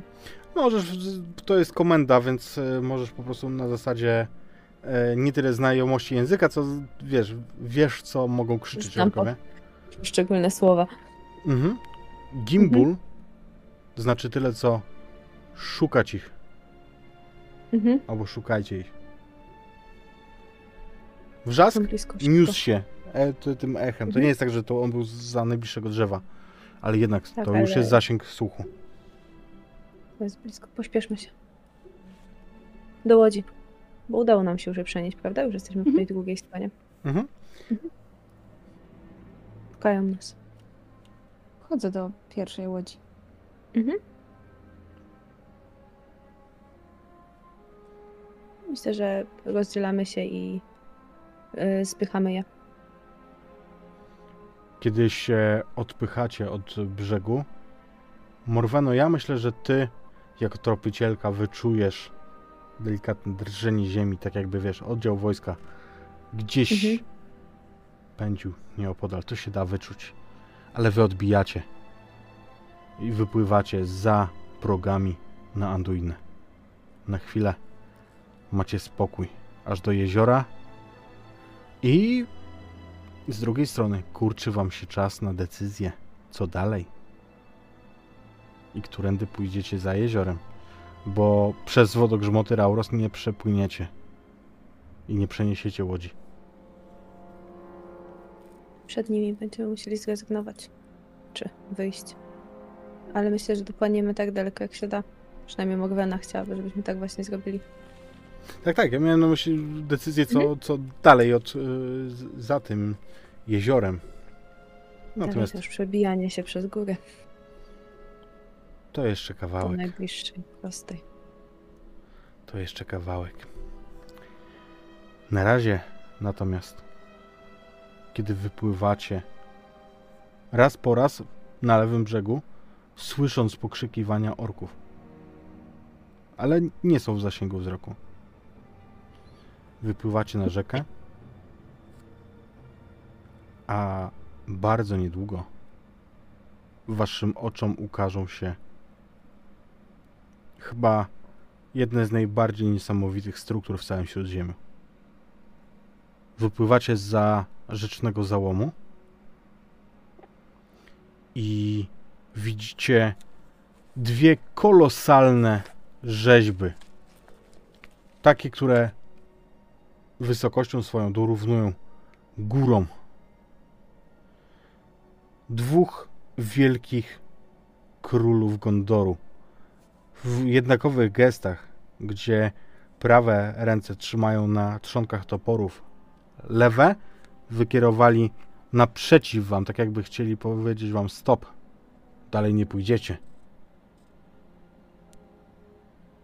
I niesamowite wrażenie, jakie robią właśnie te rzeźby królów Anariona i Isildura. Jestem ciekawy waszego wrażenia, kiedy na nie spojrzycie po raz pierwszy. Mi Ja zaparł mnie- w piersi. Patrzę w górę. I to wszystko jest takie duże. Czy dla pozostałych też wydaje się takie ogromne, czy to tylko dla mnie? Spoglądam. Piękne są. I w zasadzie tylko patrzę, nawet nie jestem w stanie zapytać, czy to Filmarisa, czy to Morwenek, ktokolwiek teraz ze mną płynie. O to, kto to jest tak naprawdę. Ja widzę te posągi odbi- jako odbi- odbicie w oczach Morweny. Bardziej w takim sensie chcę zobaczyć, jak ona poobserwuje je, ale bardziej jak ona na nie reaguje, bo to w końcu są jej dalecy przodkowie, jej, jej kultury, jej ludu. To ona może być najbardziej dumna z tych z tych osiągnięć, tak? Jej bezpośrednio też, nie? No, nie chciałem tego tak wiesz, skreślać. Tak, tak, dlatego patrzę właśnie na to jej oczami. Hmm. Myślę, że Morgana patrzy na to z podziwem i bardzo długo zawiesza wzrok, kiedy płyną w małym oczarowaniu, takim zawieszeniu w przestrzeni, przez moment śledząc, jak czas nie oddziałuje na rzeźby, które tutaj są, jak są wieczne w tym co zostało już raz wykute. To magiczne miejsce robi ogromne wrażenie. Tak wielkie, że moglibyście chyba przeoczyć ten rozbłysk na ramieniu Isildura z Gondoru. Bo widzicie faktycznie, że na jego ramieniu coś bardzo jasnym światłem rozbłyska i to jest stałe światło. I widzicie, że po wspomnianym ramieniu, tym lewym wyciągniętym, pędzi czarna sylwetka trzymająca jakiegoś rodzaju pochodnie lub innego rodzaju mm, podłużny przedmiot, który na końcu świeci takim białym, niesamowitym światłem. Jakąś okropną, złą siłą. I myślę, że to jest doskonały moment, żebyśmy zrobili sobie przerwę. Czaty drogie, wrócimy do Was za minut kilka do kilkunastu. Dajcie znać, jak się bawicie. Jesteśmy. Siemano. Witamy Was z powrotem, moi drodzy. Yy, Michał napisał, żeby dawać dalej, to przerwaliśmy wszystko, co robiliśmy. Mizu wyrzuciła pralkę przez okno i jesteśmy z powrotem. Ona sama wyskoczyła. Co było straszniejsze, jak usłyszała, że mamy dawać dalej. Tak, biedna pralka. Mhm. E, wciskamy F. Wypis- Wypisujcie miasto, tak? Dobra, natomiast przed przerwą, płyniemy. bo właśnie, śmiechy, żarty, ale nie jest wam do śmiechu, kiedy widzicie tę istotę z tą przedziwną pochodnią, która świeci się takim rozjarzonym, e, jak magnezja, światłem na końcu. I on zmierza wzdłuż tego ramienia, kiedy was zobaczył, ku nasadzie, to znaczy e, w kierunku głowy mm, posągu. Jest. Jak daleko to jest? E, Rzeźby są przed wami jakieś 200 metrów. Interesuje mnie, jak daleko to jest w skali zasięgu elfickiego łuku. Mm-mm. To wiesz, jakby te Motora wy, wysokość tych, e, tych, tych, tych e, statu jest zdecydowanie zbyt duża, żeby tam dostrzelić z łuku. Mhm. Ewentualnie, gdybyście się próbowali jakoś epicko wspinać tam i próbować go wyprzedzić, zanim, e, zanim e, stanie się to, co on planuje, to byłoby dosyć epickie. Z tej perspektywy mogłoby nam być ciężko ze środka rzeki. Tak. O, właśnie się zastanawiam, czy my w ogóle jesteśmy w stanie się domyślić, co on planuje, bo ja trochę... No, nie wiem, widzisz, że Powiem niesie jakieś, jakieś świecące tałatajstwo. E, Ty Hmm, jako krasnolud możesz e, rozumieć koncepcję środków wybuchowych. No właśnie kojarzy mi się to z wyburzaniem czegoś, z tym, że jeżeli niesie ogień i to taki rodzaj ognia, to prawdopodobnie po to, żeby coś podpalić, tylko to by oznaczało, że coś gdzieś indziej jest przygotowane. Nie widzisz nic mogę takiego. tylko rzucić do pozostałych, że to wygląda jak niegasnący, niegasnący tak łatwo ogień. Zdarzało nam się korzystać z takich, wygląda jakby może próbował coś podpalić, gdzieś to zanieść. Ciężko powiedzieć, ale nie chcemy być w pobliżu tego, cokolwiek by się nie stało. I... On biegnie po tej statule od prawego brzegu, czy... On biegnie tak, po tej po prawym. Po ramieniu Mhm. Isildura. Myślę, że chcielibyśmy i tak zboczyć nieco na lewo, nawet gdybyśmy się mieli szykować do lądowania za chwilę. Jasne.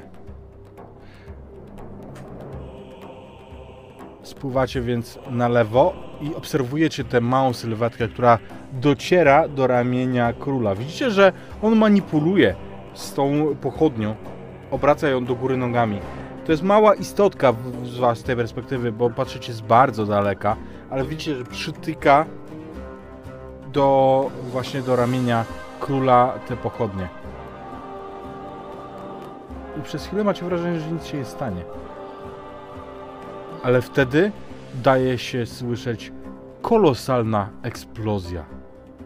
Widzicie, jak ten ork jest miotnięty w ogóle w powietrze, widzicie jak leci gdzieś jak szmata. Nie ma szans przeżycia takiego upadku.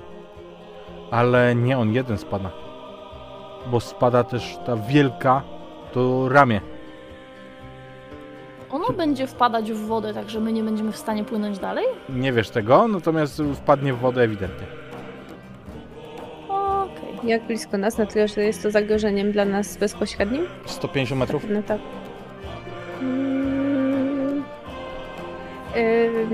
W takim razie usilniej wiosłujemy do lewego brzegu.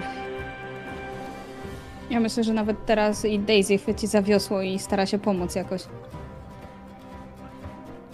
W porządku. Pozostali chcecie jakoś reagować, czy po prostu właśnie staracie się umknąć do brzegu? Ja będę podążać za tym, co robi Morwena, więc jeżeli widzę, że Dobrze, umykamy to z- do brzegu, umykamy do brzegu. Dobrze zrozumiałem, że to jest za daleko do strzału z łuku.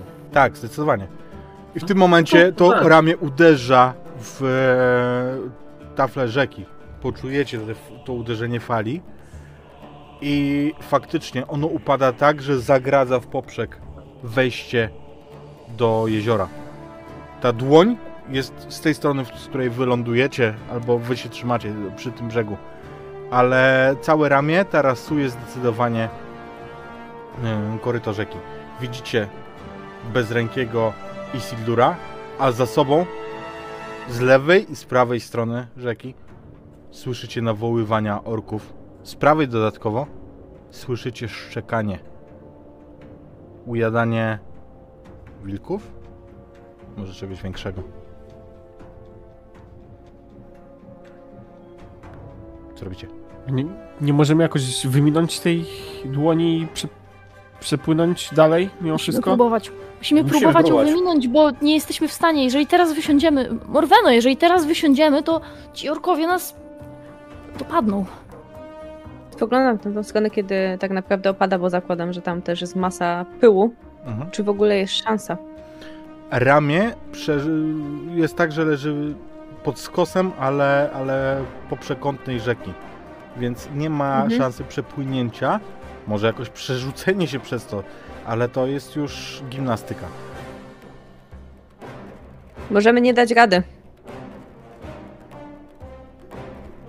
Będzie trzeba uciekać. No dobrze, zakładajmy zatem wszystkie torby na, na siebie i bądźmy gotowi. Żebyśmy tylko wyskoczyli i od razu pędzili przed siebie. Adelard, uważaj na siebie. Daisy, też Wszyscy uważajcie na siebie. łuki! Nakładam faktycznie na siebie wszystkie torby, toboły, wyciągam swój łuk i już nakładam strzałę na cięciwe. Mhm. Co chcecie zrobić? Y, Jak, jak chcecie przeprowadzić ten manewr i co to za rzut na lore? Ja miałam wcześniej rzut na lot. A, to teraz mi wskoczył dopiero, słuchaj, rzut twój na czarną mowę. Mm, A, okej. Dobrze, więc em, chcecie przerzucać faktycznie te łodzie jak najszybciej? No tak, chyba tak. Chyba nie mamy innej opcji. Nie, ma, nie, nie widzimy innej, wy- nie, nie ma No. innego wyboru. Dobrze, więc. Kiedy lądujecie, słyszycie zbliżających się tych orków, ale jeszcze macie czas. Mhm. Jeszcze może wyminiecie jakoś tę bramę. Oczywiście, że to będzie miejscami tak, że będziecie musieli po prostu brodzić. No bo te kolumny stoją na samym skraju rzeki. Mhm. Więc nie, ma, nie da się ich wyminąć. Natomiast, e, natomiast przenosicie łodzie tak, żeby, żeby jakoś to ramię nie było dla was e, z zaporą. Mhm. Na ramieniu z drugiej strony pojawia się sylwetka. Wyraźnie widzicie orka, ale to jest przedziwny ork. Żadne z was takiego nie widziało. Duży, bardzo Mhm. mocno zbudowany, większy niż oni są zazwyczaj. Na pewno też zobaczycie białą rękę na jego zbroi. Białą dłoń Mhm. Sengardu. Maris, na ramieniu.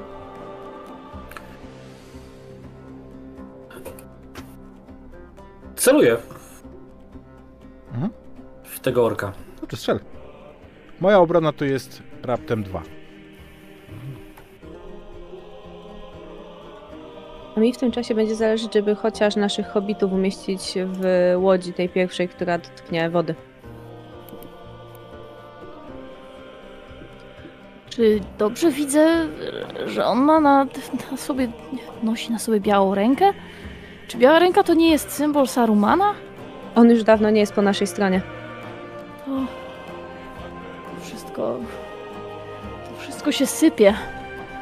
Mamy sukces, wiesz, Flimaris składa się do tego strzału, mierzy chwilę, wypuszcza strzałę, która leci bardzo długą parabolą, bo mm, ten ork wyłonił się raptem na po drugiej stronie rzeki, na, na ramieniu. On był bardzo daleko od was.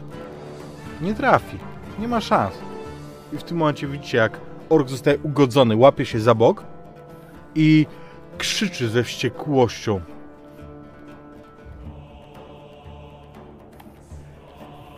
Jeśli jeszcze będę w zasięgu do powtórka. Ja też spróbuję trafić. Mm, Daisy, twój łuk na pewno tam nie doniesie. Chyba, że spróbujesz, ale, ale wie, jakby racjonalnie wiesz o tym, że twój łuk tam nie ma szans donieść. Poza tym ja myślę, że ja cię nie dopuszczę jestem do strzelenia gotowa. w ogóle. Do tego, żeby Daisy, ja strzelić. cię nie dopuszczę do strzelenia, ja cię za namową Morweny jak najszybciej do drugiej łódki chcę przerzucić. Z łódki sobie będziesz chciała strzelać, to sobie postrzelasz, ale najpierw przerzucamy się do łodzi. No to pewnie musisz to zrobić jakoś siłą, bo widzisz, że Daisy faktycznie odwraca się i naciąga już cięciwe, będąc gotowa w odpowiednim momencie wypuścić strzałę. Dobrze. Naprowadź. Nie wiem, rzut jakiś? Szwalgrze? Ja myślę, że, że ostatecznie ci się uda po prostu. Dobrze. Drugi nietrafiony niestety. Dobrze, ale w każdym razie przerzucacie się.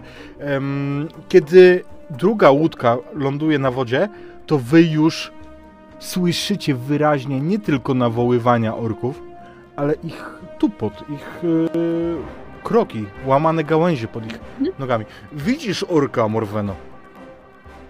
Okej, Filmarus, wskakuj z nimi do łodzi. Haxit, wskakuj do tej. A ja wyciągam miecz. Skakuję, gdzie mi tam pokazuje i mówię... W momencie, w którym skrzyżujesz z nimi miecze, będzie już za późno. I... Odpychaj łódź! Harsit- Harsit odpycha łódź i sprawdza, czy posiada łuk. Nie, Harsit nie posiada łuku. Morweno, Ci, widzisz, którzy posiadają... widzisz Mhm. kolejnego wielkiego orka. Ten jest bez hełmu. Widzisz, że na jego czarnej twarzy odciśnięto tą białą twarz, e, białą dłoń e, na twarzy po prostu. Fantastycznie Wiesz przynajmniej. co, ja chyba odbija- zamierzam cię nie słuchać i zamierzam cię wrzucić do tej łodzi, wiesz? To ja chyba spojrzę istnieje- na ciebie z respektem i zobaczę, czy uda mi się jednak sprowadzić cię wzrokiem do łodzi. Jakby nie możesz tu zostać, nie? Nie planuję, tylko odepnij tą łódź. To ja, to, to, to, to, to jest... Sukces jakby. Ja widzę, że się tam Haxit odwrócił. Do łodzi! Ty coś próbowałaś rzucać tutaj na mnie? Jakieś uroki? Kolejna osoba E, okrzyczana przez Morwenę. Y, Harsit wydaje z siebie nieartykułowane dźwięki i zaczyna odpychać łódź na wodę. Faktycznie spychasz ją. Widzisz e, tego, tego orka Morwena, który zbliża się, ale ty wiesz, że zdążycie wsiąść do łodzi. Tak, ja zostanę tylko do tego momentu, aż faktycznie łódź ruszy, żebyśmy mogli bezpiecznie wypłynąć. Jak już, No będę, na, łodzi. jak już będę na łodzi, to strzelam, osłaniam, ich, osłaniam ją jakby. Dobrze, strzelaj pierwszy. Chcę ją trochę opu- go trochę opóźnić, nie? Czy ja już też A, mogę? a może coś Tak. więcej. Zobaczymy. Dobra, jeszcze jedną nadzieję wydamy. E, Target Sparry to jest jeden? E, dwa. Dwa. Piercing Blow. Z bliska e, Daisy jest killerem. Pięknie. Ja też mam Piercing Blow. Więc słuchajcie, w, w momencie, kiedy ten ork unosi miecz, taki, wiecie, bardzo niezgrabny, prosto wykuty, obrzydliwy brzeszczot, unosi go i widzicie, że składa się do tego, żeby rzucić za wami po prostu tym mieczem. I to jest bardzo groźne, oberwać takim brzeszczotem po głowie, to prawdopodobnie zakończyłoby się śmiercią. I w tym momencie, kiedy on się składa do tego rzutu, widzicie jak dwie strzały, jedna z łuku Daisy, druga z Fulmarisa, przeszywają go. I ten miecz wypada z jego ręki. Spieszmy się. Ja myślę, że my powoli nabieramy po prostu rozpędu. Wiosłować! No.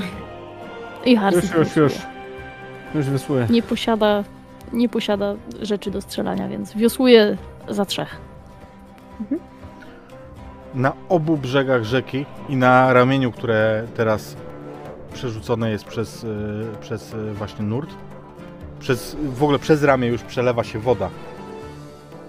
Ale na ramieniu widzicie czarne sylwetki tych przedziwnych wielkich orków.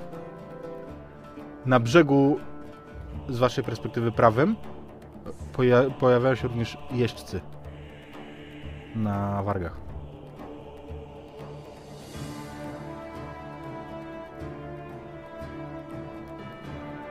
Musimy się przebić, musimy ich wyprzedzić. Póki jeszcze mamy jakąkolwiek szansę. Ja próbuję strzelać do tych jeźdźców na wargach. Mhm. To jakby to nie, nie, nie rzucajmy na to. Będzie się ostrzeliwać po Znaczy- prostu sukcesywnie. nie? Oczywiście też, nie? Ale faktycznie staracie się zrobić przewagę. Ja myślę, że to będzie test dla osoby, która prowadzi e, łodzie, jako, jak, łodzie jako, jako, że tak powiem, grupę. Mm, to będzie test wędrówki.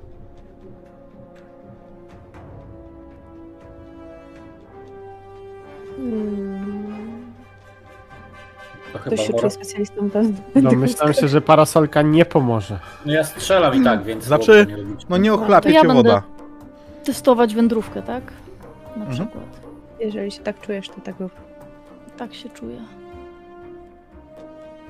Sukces, wreszcie coś wyrzuciłem. To jest sukces. Mamy Robicie, dwójki.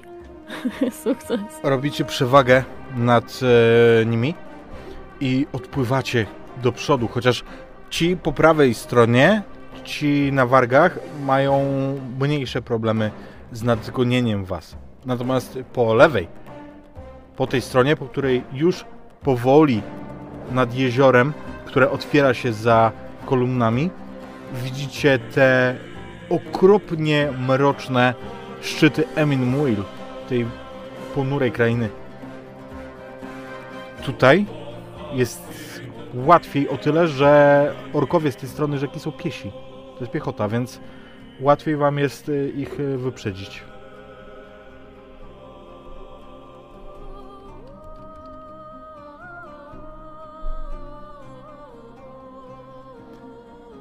Jeszcze dorzucę, że po obu stronach jeziora, i po prawej, i po lewej, kiedy wypłyniecie, ukażą się waszym oczom ruiny.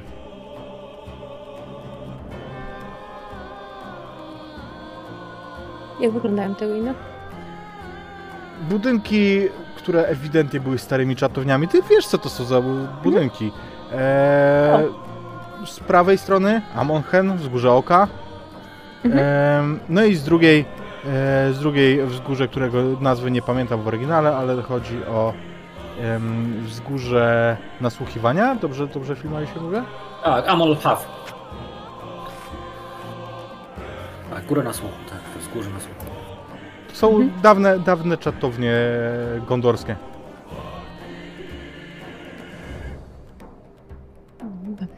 Jak duży dystans jesteśmy w stanie osiągnąć, wyprzedzając y, szczególnie tych pieszych orków? Ile No, czasu na zasadzie, je, jeżeli wylądujecie, zależy gdzie chcecie wylądować, nie? E, Bo Jak będziecie, najdalej.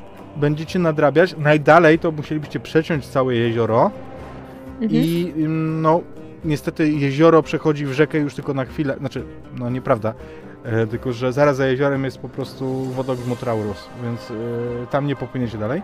Jeżeli przepłyniecie przez jezioro, to zyskacie jeszcze większą przewagę, bo wy będziecie płynąć prosto, a oni będą musieli obiec wspomniane jezioro, więc e, tam będzie wam najwygodniej. E, Na, no myślę, że możecie zrobić sobie z jakieś 15-20 minut przewagi. To zawsze coś. Także myślę, że tak właśnie będziemy robić. Nawet jeżeli mój łuk nie będzie w stanie dosięgnąć już orków, to i tak go nie chowam, bo wiem, że pod wodą też wróg może się czaić. Już raz na nas naskoczył.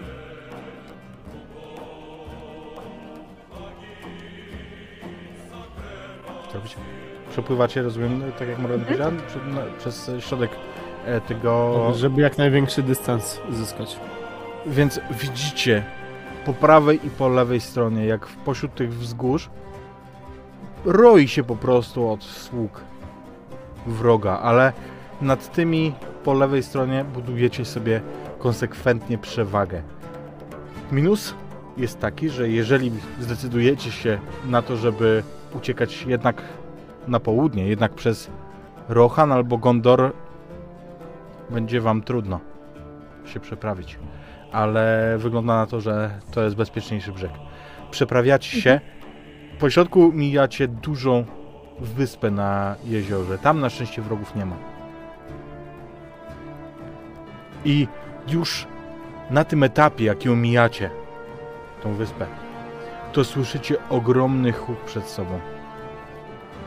I wówczas ci z was, którzy jeszcze nie wiedzieli, teraz już są przekonani, dlaczego nazwane to zostało wodogrzmotem, bo huk jest niesamowity. Do tego stopnia, że wy do siebie, siedząc w łodziach, musicie krzyczeć, żeby słyszeć cokolwiek.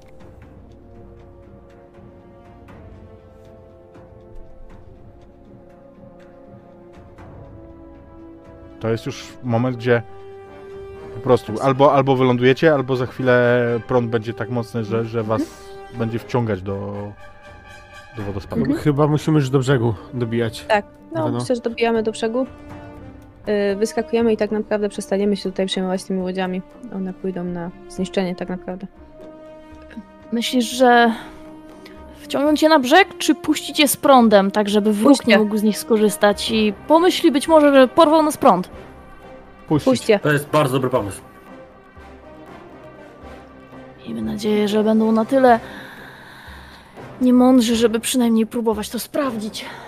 I myślę, że Harsit, kiedy już wszyscy się wypakują i wypakują bagaże i, i będą już ruszać, będzie tym, który będzie spychał jeszcze łodzie Mhm.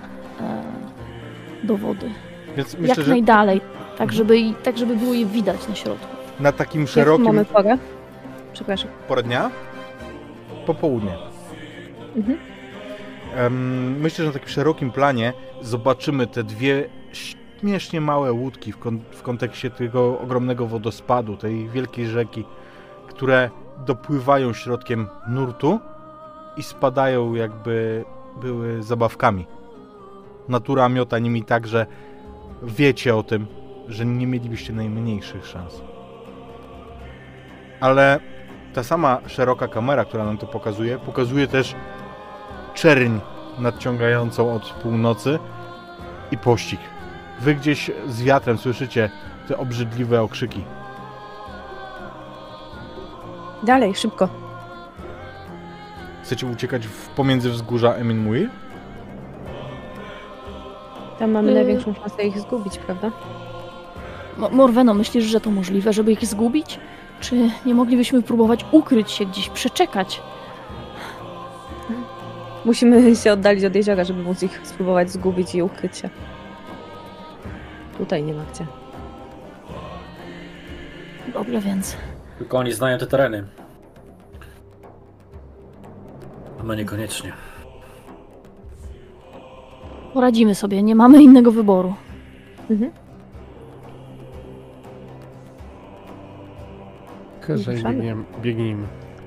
Chyżo biegniecie, więc pomiędzy pierwsze wzgórza, one są nadspodziewanie strome, bo one są jakimiś formami takiej wulkanicznej em, formami formacji, no, skał wulkanicznych, one bardzo stromo e, wystają em, tutaj i od razu są wybitne, ale pomiędzy nimi jest wiele jarów, parowów, błędnych ścieżek, więc kiedy wpadacie tam za Morweną, rozumiem, że na oślep po prostu na razie, żeby, żeby się ukryć jakkolwiek. Mhm. Zwłaszcza nie znamy terenu, to, to i tak zawsze trochę będzie na oślep. Więc Chyba, że będziemy zostawiać ślady, ale to jest czas na szybki bieg, a nie na ostrożne zacieranie, e, zacieranie jakichś tam śladów naszej obecności. tak, ja myślę, że to ym, zgodzimy się, jeżeli to będzie rzut na, ym, na wędrówkę. Ja tam chętnie. Czy ja Dawaj, mogę spalić nadzieję do tego rzutu i nam coś to da? Oczywiście. Mhm. Szansę większą. Dodatkowo kość. To też, ale... I czy mogę skorzystać z... Z czego ja mogę skorzystać? Z upartego? przykład z mojego wyróżnika uparty, żeby dostać dwie kości? Kupuję to, uparcie nie chcesz dać się złapać orkom. Zdecydowanie uparcie A uciekamy. oni bardzo by chcieli, żebyś się dał złapać. Bardzo by chcieli nas złapać, a ja będę przejść do przodu.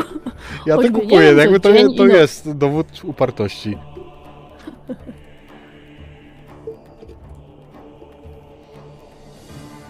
Sukces. Więc zapadacie pomiędzy te wzgórza. Great success na tym rzucie. A, ty dziku. Bo to był, ty patrzyłeś na wcześniejszy, ten jest Poprzednie było dudki. lepszy. Może być też. Mm, więc wpadacie, a pomiędzy skałami, pomiędzy górami, krasnolud to istota w swoim środowisku. Więc wy dosłownie, jak oddalacie się od jeziora, jak wpadacie między te niegościnne, ostre granie, które zdają się, jakbyście mieli je dotknąć, to że mm, tymi kamieniami pokaleczą wasze dłonie. Tu wszystko jest takie zimne i choć nie jest jeszcze ciemno, to jest tu jakoś mroczno i smutno. To jednak krasnolud nawiguje bardzo szybko. Prawo, prawo. Znowu.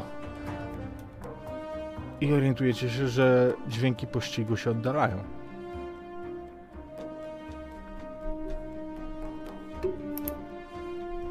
Myślę, że w którymś momencie zamieramy nasłuchując, kiedy już dojdziemy do momentu, gdzie być może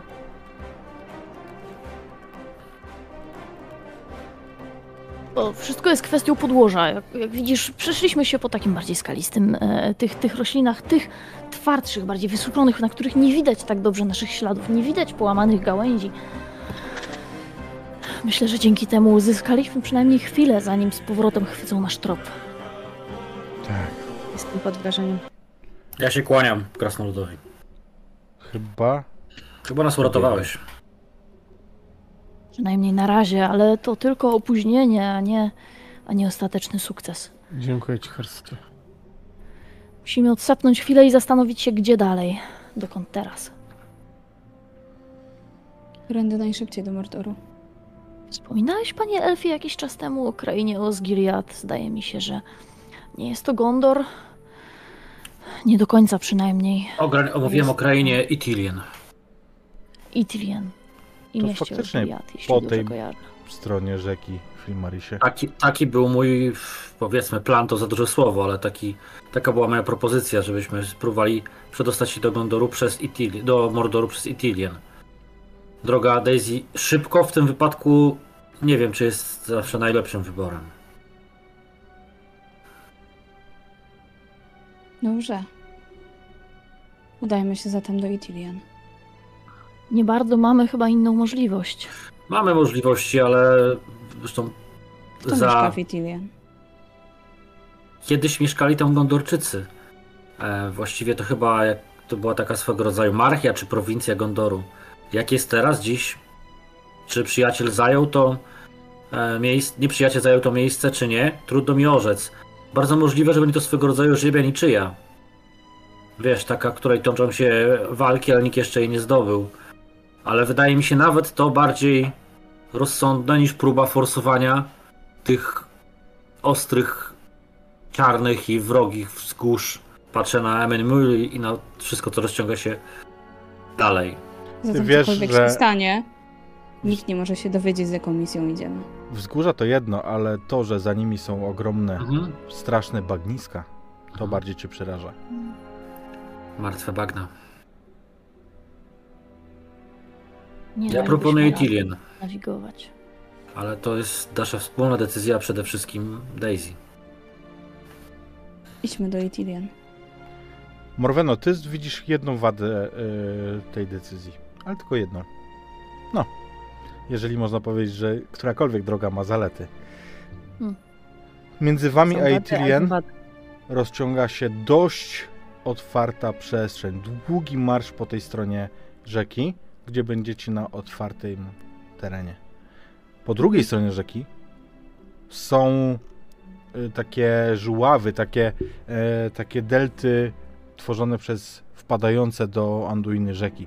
Z tej strony otwarte terytoria. Ale Mhm. faktycznie, jeżeli przekradniecie się do Itilien, tam są już lasy i tam już można zniknąć. Każda trasa niesie ze sobą ryzyko. Będziemy długo na otwartej przestrzeni, dlatego będziemy musieli być bardzo ostrożni. I nie będziemy mieć dużo postoi. Mamy też elfie płaszcze, które w razie czego mogą nas okryć przed wzrokiem nieprzyjaciela. Zdecydowanie. Tu kończą się dobre trasy. Myślę, że Daisy ma też rację. Powinniśmy trzymać naszą misję w ukryciu. I choć podejdziemy bardzo blisko Gondoru, gdybyśmy kiedykolwiek natrafili na jakiegoś Gondorczyka, nie wiem, czy dobrym pomysłem byłoby wspominać o Boromirze. Z drugiej strony należy mu się sprawiedliwość. Jego rodzinie należy się informacja. Ale czy to jest warte zagrożenia dla całej naszej misji? Jeżeli powiemy jedno, będziemy musieli powiedzieć całą resztę. To coś, o Napra- czym powinniśmy pomyśleć. A propos Gondorczyków. Ja mam uruk przecież Boromira. Nawet jeżeli nie będziemy się przedstawiać, że znaliśmy Boromira, to i tak mogą go rozpoznać. Zatem nie, nie pokazuj go. Schowaj go. Ty wziąłeś róg, czy ty wziąłeś... Bo on został chyba z mieczem Wziął go i był naszyjnik jeszcze. Mi się wydaje, że wziąłeś naszyjnik, że... I rób. Nie, i róg i naszyjnik. Zostawiliśmy miecz. Dobra, I dobra. tarczę. I tak. Mhm. Tak, zdecydowanie. Pozostawiam do przemyślenia, ale wydaje mi się, że powaga tej misji jest y, na pierwszym miejscu. Najlepiej byłoby, gdybyśmy nie wychylali się faktycznie z Boromirem, chociaż tak bardzo boli, że mogą się o tym nie dowiedzieć.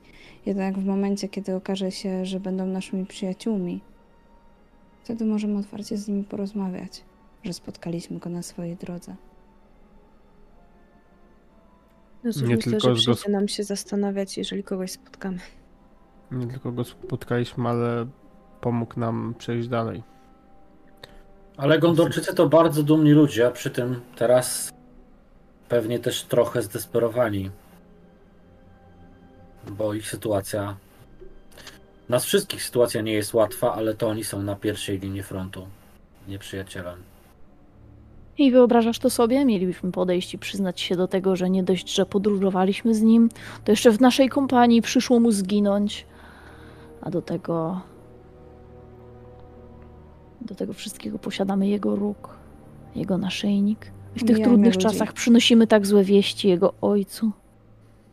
Do tego oczywiście ludzi. to, co ma rację Daisy, nosimy, niesiemy ze sobą coś, co obawiam się, że Gondorczycy nie uznaliby za niebezpieczeństwo, tylko za potężną broń. Ruszajmy. Tak, tak, raczej trzymajmy się z daleka od ludzi. Ja teraz mogę, jeżeli będziemy ruszać w dalszą drogę, w jakiś sposób spróbować może zacierać nasze ślady, tak żeby jeszcze bardziej opóźniać ewentualną pogoń. Tak, żeby Mhm. się upewnić, albo upewnić się co do tego, jak idziemy, żeby tych śladów zostawić jak najmniej, albo właśnie w jakiś sposób je zacierać, tak żeby nie było to oczywiste. Jasne, oczywiście, że możesz. Teraz dodatkowo dla ciebie to będzie mm, o tyle łatwe, że jeżeli chcecie kierować się w stronę Ifilien, no to siłą rzeczy musicie część tej drogi, pierwszą część, odbyć pośród tych wzgórz, więc w miejscu, w którym ty się czujesz komfortowo. Więc jak najbardziej możesz to robić i myślę, że bez rzutu to zostawimy, że po prostu ty wiesz, jak to robić. Będę trzymać straż tylną i po prostu upewniać się, że nie zostawiamy za sobą zbyt wielu śladów naszego przejścia. Idziecie w ciszy, pilnując każdego kroku, żeby nie dać się wypatrzyć, żeby nie wyjść na otwartą przestrzeń, żeby orkowie, którzy zmylili drogę i nie pobiegli za wami, tej drogi nie znaleźli.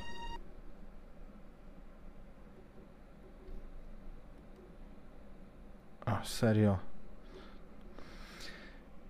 Odzywa się przeraźliwy pisk, który słyszycie wszyscy. Wrzask w bardzo wysokim rejestrze, który sprawia, że wszyscy łapiecie się dłońmi za uszy. Słyszycie gdzieś na niebie ten dźwięk. Kiedy oczy idą odruchowo za słuchem, widzicie tam skrzydlatą, przedziwną istotę, która błoniastymi skrzydłami macha w powietrzu teraz, przelatuje. Na, na ziemię, ukryjmy się!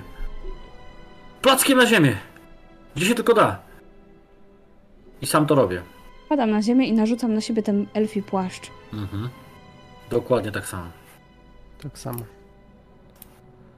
Rzucam plecak czy jakieś rzeczy, które, które mam pod jakiś kamień i próbuję scalić się z kamieniem tak, tak bardzo, jak to tylko możliwe, udawać, że mnie nie ma. Adelardzie, czujesz jakąś obecność bardzo blisko siebie, której nie czułeś już przez jakiś czas. Czujesz świdrujący, przeszkadzający, zimny ból w boku. Znów odczuwasz to w obecności tego, kto zadał tę ranę. Marysie, czy to, czy to są upiory?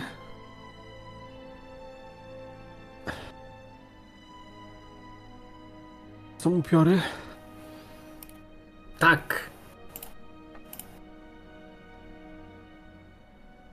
Niech już odlecą. On się się ukrył? bardzo cicho w stronę. Adelarda. I obejmuję go ramieniem. Już, już. Kiedy to Zaraz robisz, odlecam. czujesz jak ciąży ci skarb. Jak skarb, który niesiesz, coraz bardziej przygina cię, kiedy, kiedy pełzniesz ku swojemu krewniakowi. Jeszcze przed chwilą tak ci nie ciążył.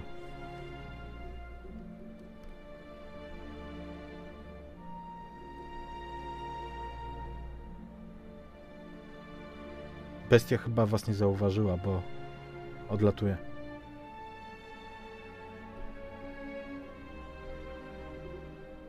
Daisy, podasz, podasz mi wody? Proszę. Daję Adelardowi wodę. Kręcam bukłaki, nalewam do jego buzi.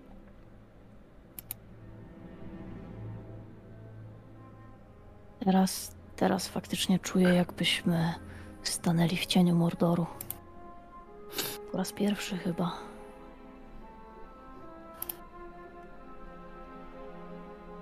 Takich będzie tak się już? pewnie pojawiało coraz więcej. Wiem, to było straszne, nieprzyjemne, ale wiedzieliśmy, że takie rzeczy się nam będą zdarzały. Wszystko skończyło się dobrze, ukryliśmy się, poleciało. Nie, nie rozważajmy teraz tego na wszystkie sposoby, bo im właśnie o to chodzi. Przecież to nie był atak, to była próba wystraszenia nas. A propos. Rzućmy. Hmm. E, na co mamy rzucać? Na Podpowiedź? męstwo albo na mądrość. Natomiast na mądrość. A, to dobra.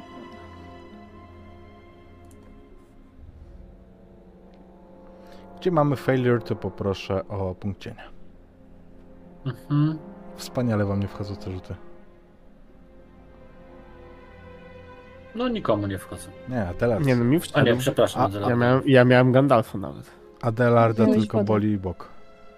Ale może, się może, może dzięki tej ranie jakoś psychicznie bardziej się opiera.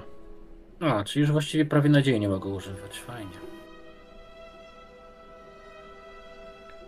Jesteście już bardzo blisko czarnego kraju. Ty wiesz, Ade, em, Filmarisie, że kiedy mi- miniecie te wzgórza Emin Muil, to wy już zobaczycie Mordor. Kiedy wyjdziecie z pomiędzy tych skał. Więc ruszamy dalej. Długa droga przed nami. Faktycznie. Bo myślę, że przez te wzgórza to, to będzie z półtora dnia marszu. W tym kierunku, bo gdybyście chcieli do, dotrzeć przez wzgórza na wschód, to byłoby to jeszcze dużo dłużej. Kto jest przewodnikiem? Harsit? Pewnie tak. Myślę, że o ile Morwana i Filmaris mogą nadawać ogólny kierunek i decydować, gdzie idziemy, to Harsit, jeżeli już nie jest potrzebne zacieranie śladów, będzie wytyczał bezpieczną ścieżkę. Dobrze. Więc rzućmy jeszcze raz proszę na wędrówkę.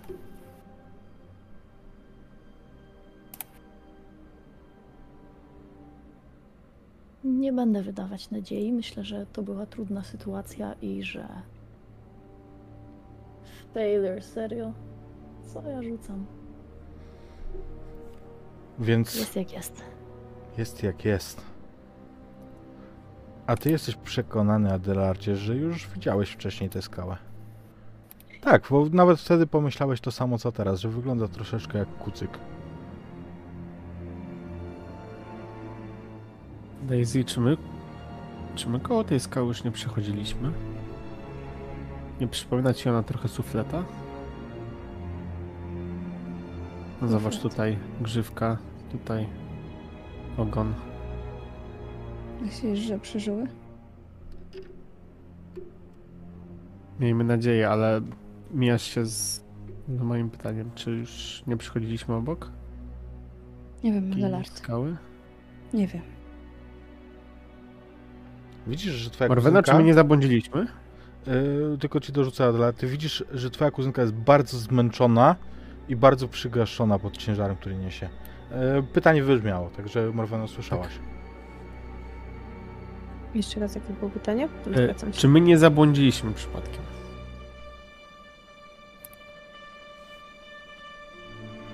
Rozglądam się. Ym... Tutaj wszystko wygląda tak samo.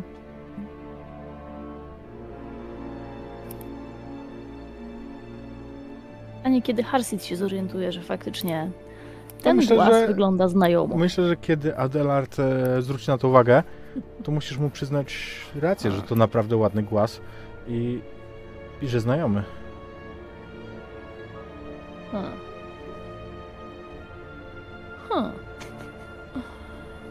Wyjmijmy jeszcze raz mapy i zweryfikujmy to. Może.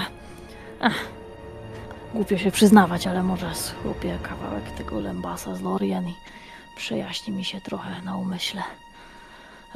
Ten dziwny cień. Czuję się zupełnie nieswojo. Daisy, Zupełnie nieswojo, a przecież jesteśmy wśród skał. Nie rozumiem. E, Daisy, ty też coś zjedz, bo chyba brak brak ostatnich kilku posiłków źle ci służy. Siądź tutaj na tym kamieniu i podchodzę, podchodzę do niej, żeby pomóc jej usiąść. Siadaj i tak zanim te mapy rozszyfrują to siadaj i je cypij. Faktycznie wezmę kilka łyków, ale w ogóle nie czuję głodu. Ledwo skubnę część lębasa, pamiętając o tym, że coś trzeba zjeść, ale zawijam go z powrotem w liść. Chowam do torby.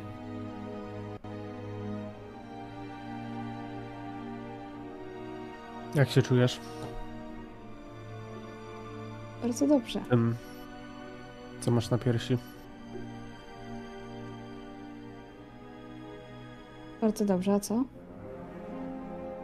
No nic, bo zawsze jak pojawiają się te upiory, mam wrażenie, że ty też zaczynasz bardziej odczuwać ciężar tego skarbu, przekleństwa. Zależy jak na to patrzeć i kto o tym mówi. Nie przejmuj się, Adelardzie. Wszystko jest dobrze. Po prostu jestem zmęczona. Dużo biegliśmy. Jak każdy.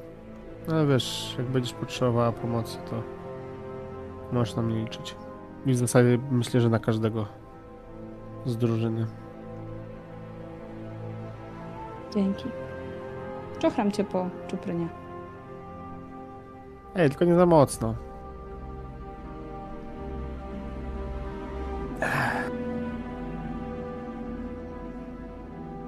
No nic, to Więc trzeba poczek- poczekać aż rozszyfrują te mapy. może tędy. Wskazuje niejasny szlak. Tak, wydaje mi się, że faktycznie To miejsce namąciło mnie w głowie, ale teraz już powinniśmy zostawić ten głaz definitywnie za sobą. W porządku. Definitywnie. Wytyczam jakąś nową ścieżkę. Ruszacie tą drugą ścieżką. Kiedy wchodzicie w nią, szybko przeradza się w taki wąski bardzo wąwóz, w którym musicie iść gęsiego. Kolumna się nieco wydłuża przez to, no ale nie jest was znowu nie wiadomo ile osób. Na jednym ze zboczy tego wąwozu na waszych oczach osuwają się teraz kamyki z góry. Taka niewielka lawinka przed wami. To nie jest coś, co wam zagraża. To jest raczej coś, co pokazuje, że coś te kamienie poruszyło. Mhm.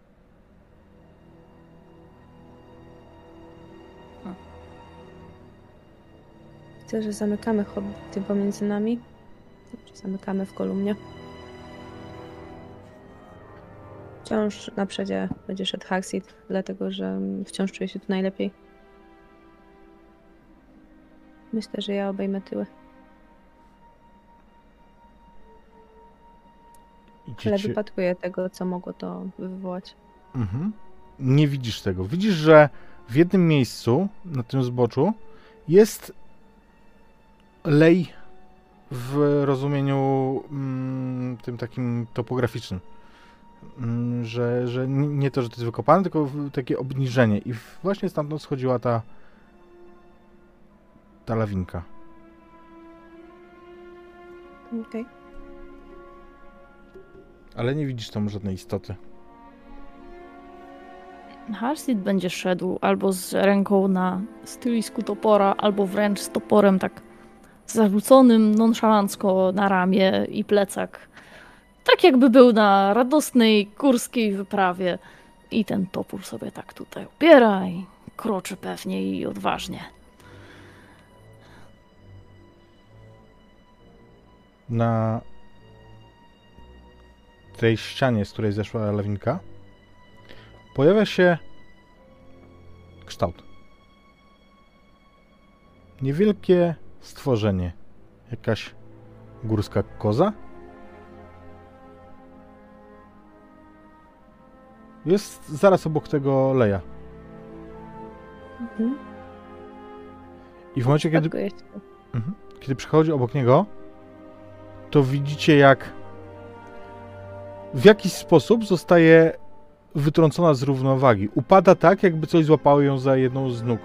I słyszycie przeraźliwy kwik tego zwierzęcia, jego jęk, gdy jest wciągany do tego leja przez coś, co, co w nim ma swoje sidła, swoje leże. Mhm. To nie jest coś, co byście widzieli. To tak jakby, jakby potwór był po prostu em, takim czatującym z pułapki.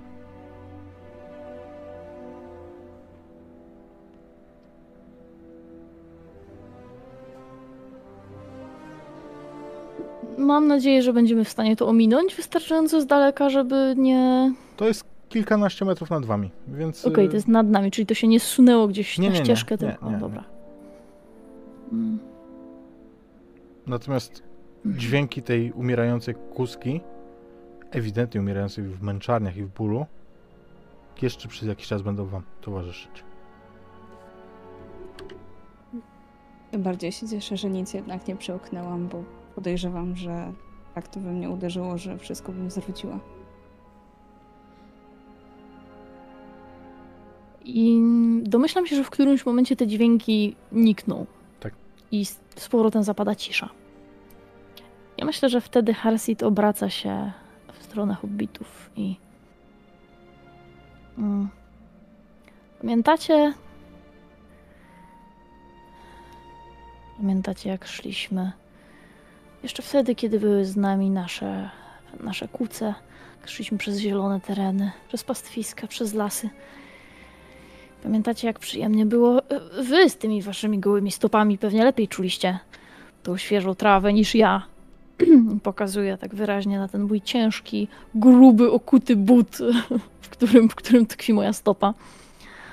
I myślę, że nasze kuce tak samo radośnie hasały po tych zielonych krainach. Jak myślicie, co teraz robią?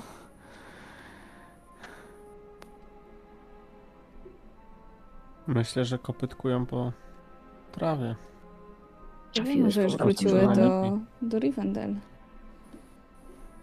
Że elfy je rozczesują.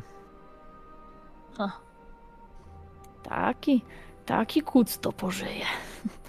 Dostanie świeżej trawy, jakieś jabłko do schrupania. Ha. Teraz z rozrzewnieniem nawet wspominam te jabłka z Rivendelli. To wszystkie inne owoce dobra. podawane na liściach, sałaty. Nie no, przyznaję, przyznaję, przyznaję. I siło też było, było w porządku, ale te owoce... Uch. Jabłuszka. I próbuję y, rozmawiać właśnie o jedzeniu i o. Przede wszystkim o tych trawiastych widokach, bo Arsitowi nie do końca przeszkadza to, że tu jest tak skaliście, że są te wąwozy, że są cienie. Ale z drugiej strony ten jakiś taki niepokój, który się wkradł.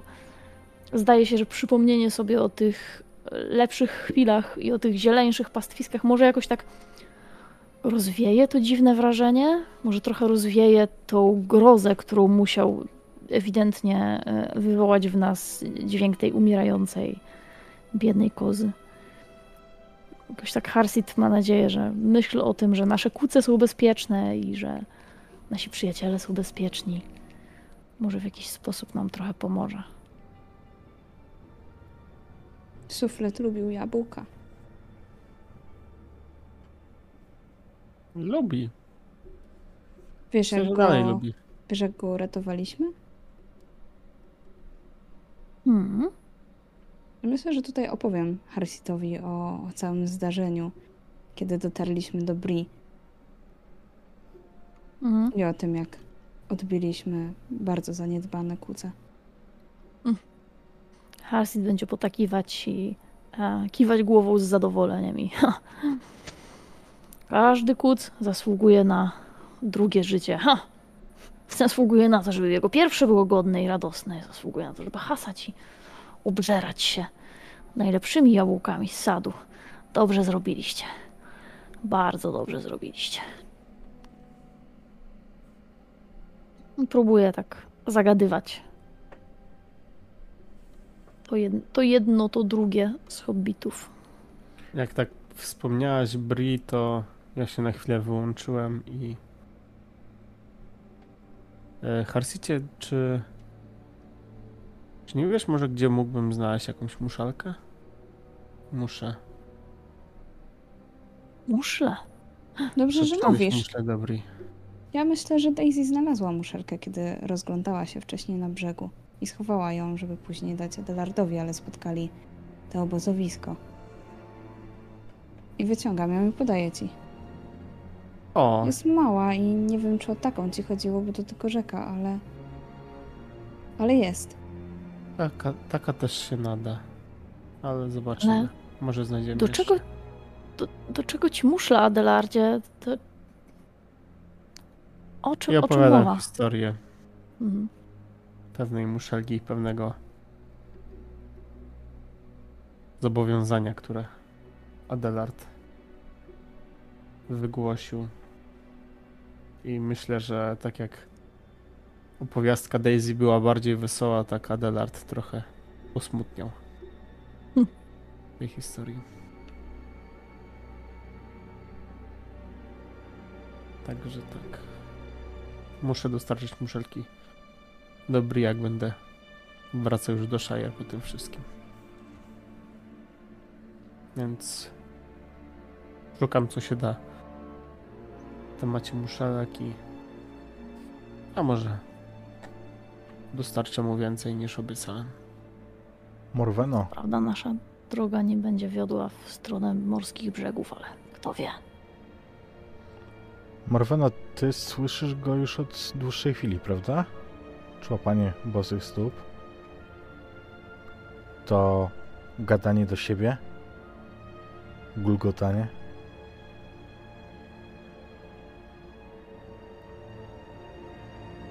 Y, wiem z której strony? Wiesz,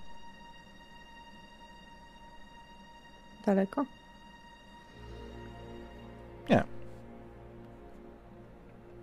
Smigol, czy Golum, jak go teraz nazywają, ty go nawet widzisz, kiedy wiesz, gdzie szukać. Mhm. Trzyma dystans. Niewątpliwie widzisz, że z wielkim strachem kryje się i kiedy tylko Filmaris y, jakoś przechodzi tak, że jest z tej strony, z której on za wami idzie, to on przypada do ziemi, udaje, że go nie ma. Mhm. Słowem, zgodnie z przewidywaniami, jak większość istot mroku, boi się elfów.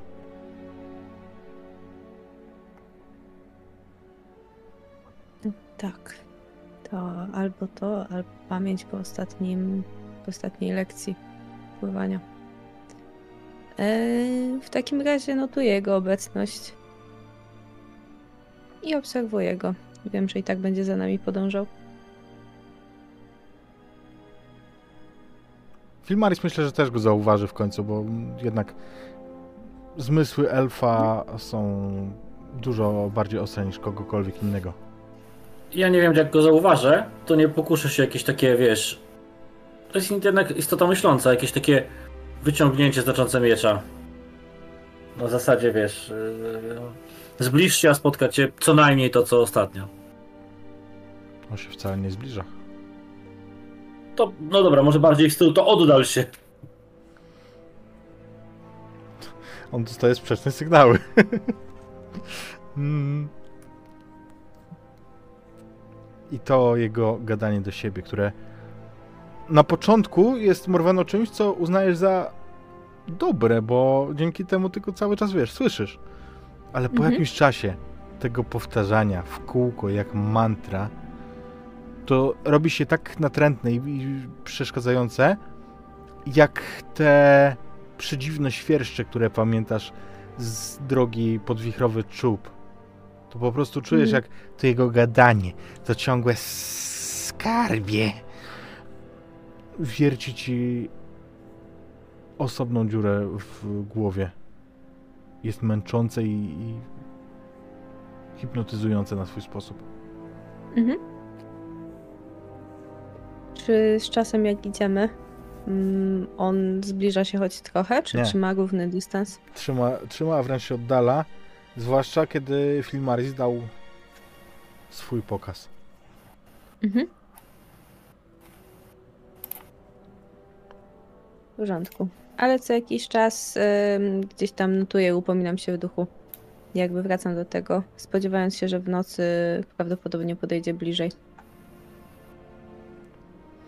Będziecie musieli zanocować w tych górach. Mhm.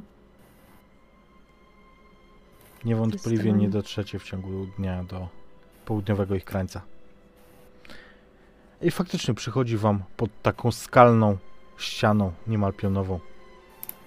Przytulić się, zanocować. Powiedzcie, czy palicie ogień? No, Obawiam się, że nie. To nie jest dobry pomysł. To nie jest dobry pomysł, niestety.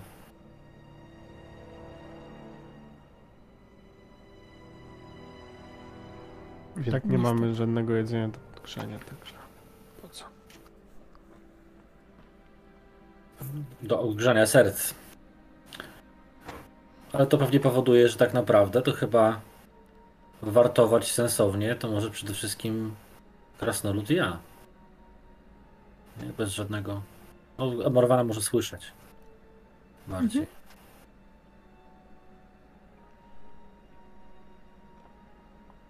Ale myślę, że to tą najciemniejszą część nocy to, to właśnie jednak ja z krasnoludem. To znaczy ja i krasnolud. Jakoś się tym podzielimy. Więc to zdecydowanie nie będzie ta część nocy, w której Golum się ośmieli, bo jak się rzekło, on ewidentnie boi się ciebie, Filmarisie. Natomiast myślę, że nad ranem, przed świtem, kiedy już robi się szaro, kto wtedy stoi na straży? Myślę, że ja z Morweną. Niech i tak będzie. Nie nieście go mu! Zostawcie! W którym się momencie on podszedł tak blisko? Morweno, Mhm. ty jesteś nie tyle przestraszona jego obecnością, co jesteś zszokowana, że dałaś się podejść tak blisko. Bo on siedzi na Mhm. skale może 3 metry od ciebie? Trzy metry to niedużo, zdążę go złapać? Mm, no to, do niego? to be- jest to be- inny. to będzie rzut i on jest powyżej ciebie, więc będzie to rzut z pewnym utrudnieniem. Natomiast, e, natomiast on siedzi tam powyżej i nie daje żadnych gestów, jakby chciał, Mhm. jakby chciał cię zaatakować. Adeladzie, słyszysz po raz pierwszy ten skrzeczący głos. Golumie, czy to ty? Golum! Nie nieście mu go! Skarbie! Nie możecie mu go zanieść! Ale komu? Wielki czarny pan czeka, aż jego pierścień wróci. Skarb!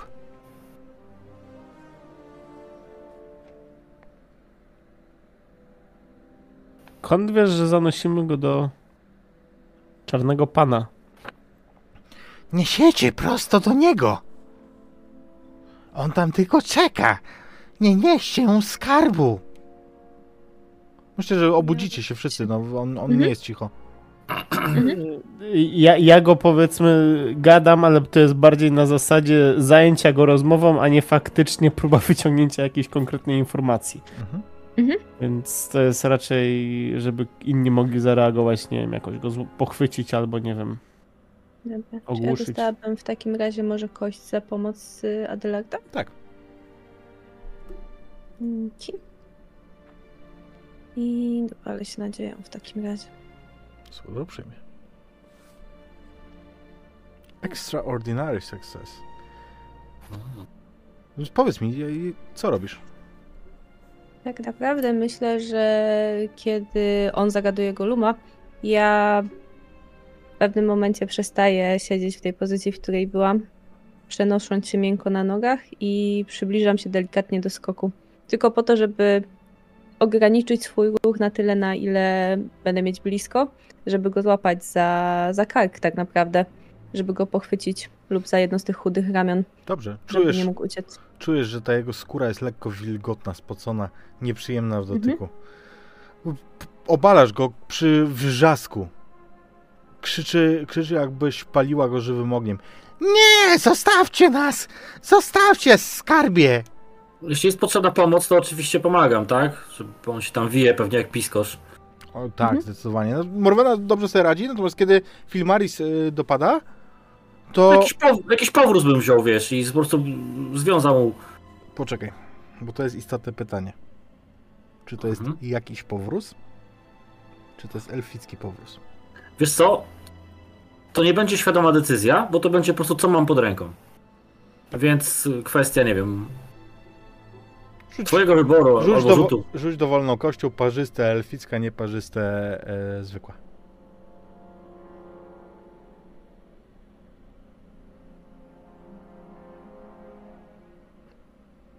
Parzyste. Więc on krzyczy w niebogłosy. Pali! Pali! Złe elfy! Palą nas! Nie no, ja nie jestem kimś, kto chce torturować jakąś istotę, więc e, faktycznie z, z, przytrzymuję go ręką, zdejmuję ten powróz i proszę któryś z hobbitów, Adelardzie, podaj mi zwykły sznur. On się kuli przed. Filmarisem, widzicie to? Jak on się kuli, jakby właśnie Filmaris robił mu najgorszą krzywdę świata. On płacze na głos. Zostawcie nas! Wypuśćcie! Już y, ten będzie nieelficki? Tak, ten będzie nieelficki. Łap, Filmarisie. Dzięki. No i wiesz, Mhm. i- Pozwól, że ja to zrobię. Boi się wyjątkowo ciebie. dobrze. Odsuwam się, nie chcę go torturować przecież. Uspokój się, a nic cię nie spotka. Puśćcie! Nie nieście go! Nie nieście mu skarbu! Spokojnie, nie dostanie go. Po co chcecie mu go dać?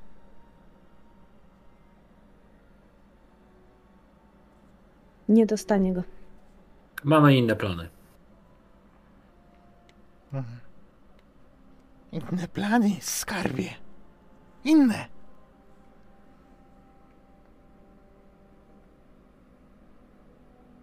Rozglądam się po reszcie. A to już nie twoja sprawa. Co to za plany mamy?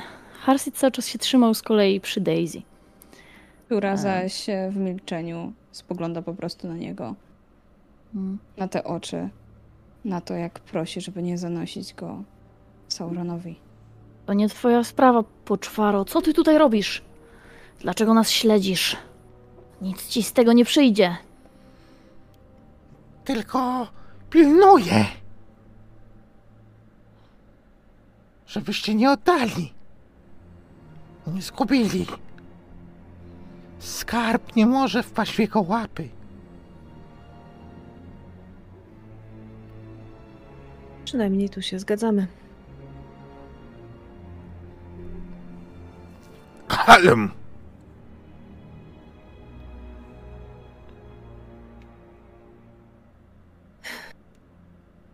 Kalm. Nie Odejdź wiem, i co nie- zamierzamy zrobić z tym. I przestań nas stworem. niepokoić.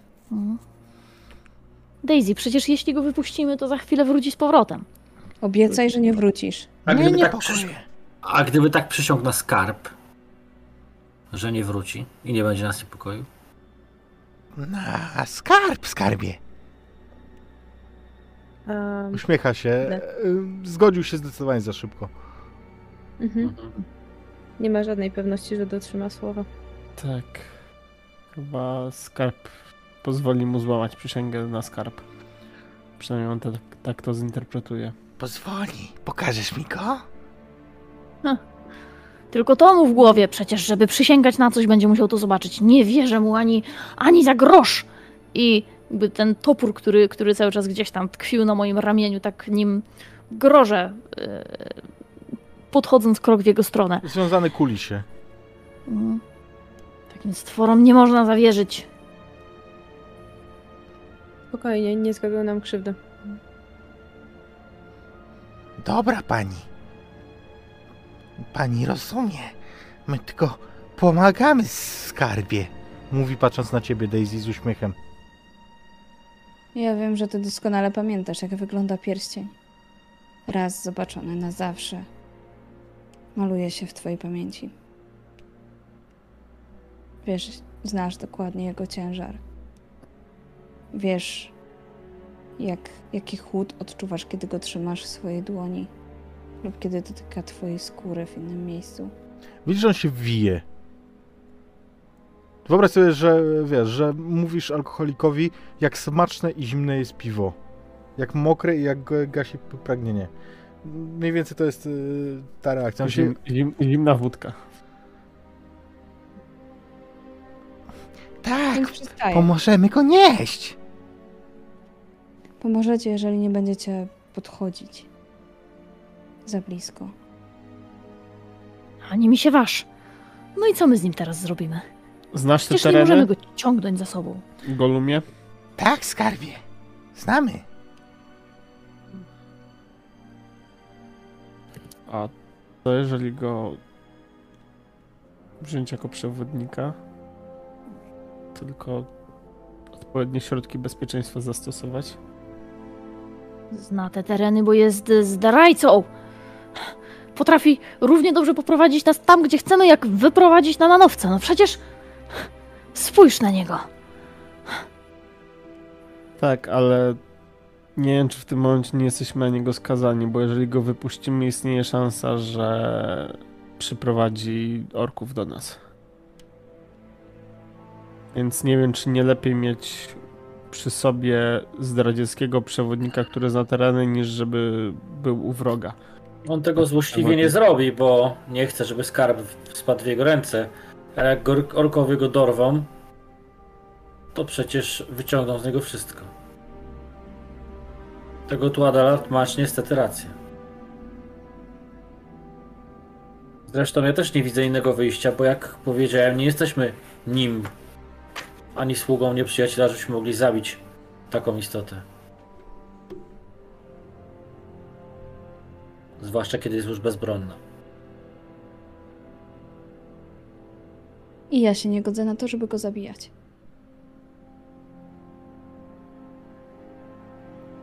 Dobra, pani. To su- sugerujecie, że jeszcze teraz musimy ciągać go za sobą i jeszcze go chronić? Przynajmniej coś Powiedział, mieć na że powiedział, że nie będzie się do nas zbliżał. Obiecał na skarb. Daisy, i ty mu wierzysz. Ja wiem, że nasza hobbicia, łatwowierność i kochane serce sprawia, że jesteśmy w stanie uwierzyć każdemu, Adelardzie nie. obieca. Ważne, że to on w to wierzy. I myślisz, że jego przyrzeczenie na skarb będzie silniejsze niż jego podstawowy instynkt, by wziąć ten skarb? To ty, Adelardzie, Podstawowe proponujesz żądze? go na przewodnika. Myślę, że każdy zasługuje na szansę. Tak samo i on zasługuje na szansę, żeby udowodnić, że to, co mówi, jest prawdą.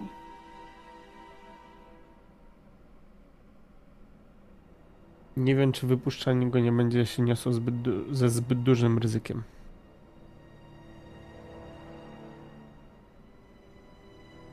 A trzymanie go tutaj, kiedy on chce co noc zabrać mi pierścień, nie jest wcale ryzykiem? Jest, ale w tym momencie trzeba się związanego. zastanowić. Właśnie związanego z dala od nas. Z jedną osobą na straży, żeby go pilnowała na warcie w nocy.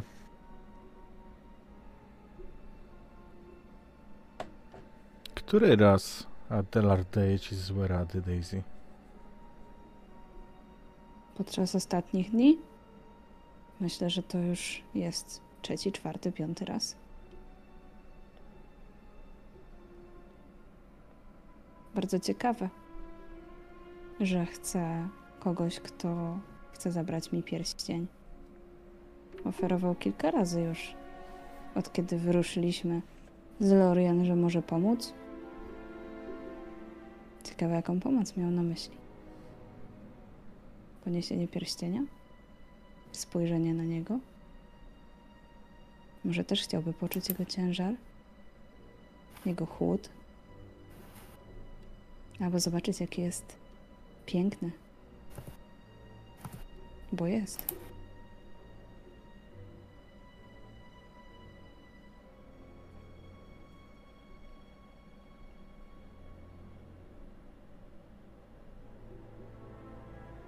Przysięgałem, że będę chronić. że będę chronić Daisy. I jakakolwiek decyzja nie zostanie podjęta, będę ją chronić, ale. Ten stwór mi się nie podoba. Mówię to jakby patrząc w jego kierunku, ale nie patrząc na niego, zdając sobie sprawę z tego, że on to słyszy. Nie interesuje mnie to. Uważam, że ten stwór to zło wcielone, że jest dla niego za późno, ale Daisy, Daisy wierzy w coś innego, więc opieram tylko ten topór, tak jakby przestając grozić nim w taki jawny sposób. Cokolwiek zdecydujecie. Z jednej strony może i dobrze, lepiej zna te tereny. Może faktycznie przydałby się przewodnik, a z drugiej strony to niebezpieczna, dzika bestia. Musielibyśmy bardzo uważnie go pilnować. Bardzo uważnie śledzić jego kroki. Wolę go mieć na oku. Udowodnił już, że jest w stanie podejść bardzo blisko nas, nawet gdy czuwamy. Widzi lepiej niż my w ciemności. Nie chcę go wypuszczać, bo boję się, że wróci.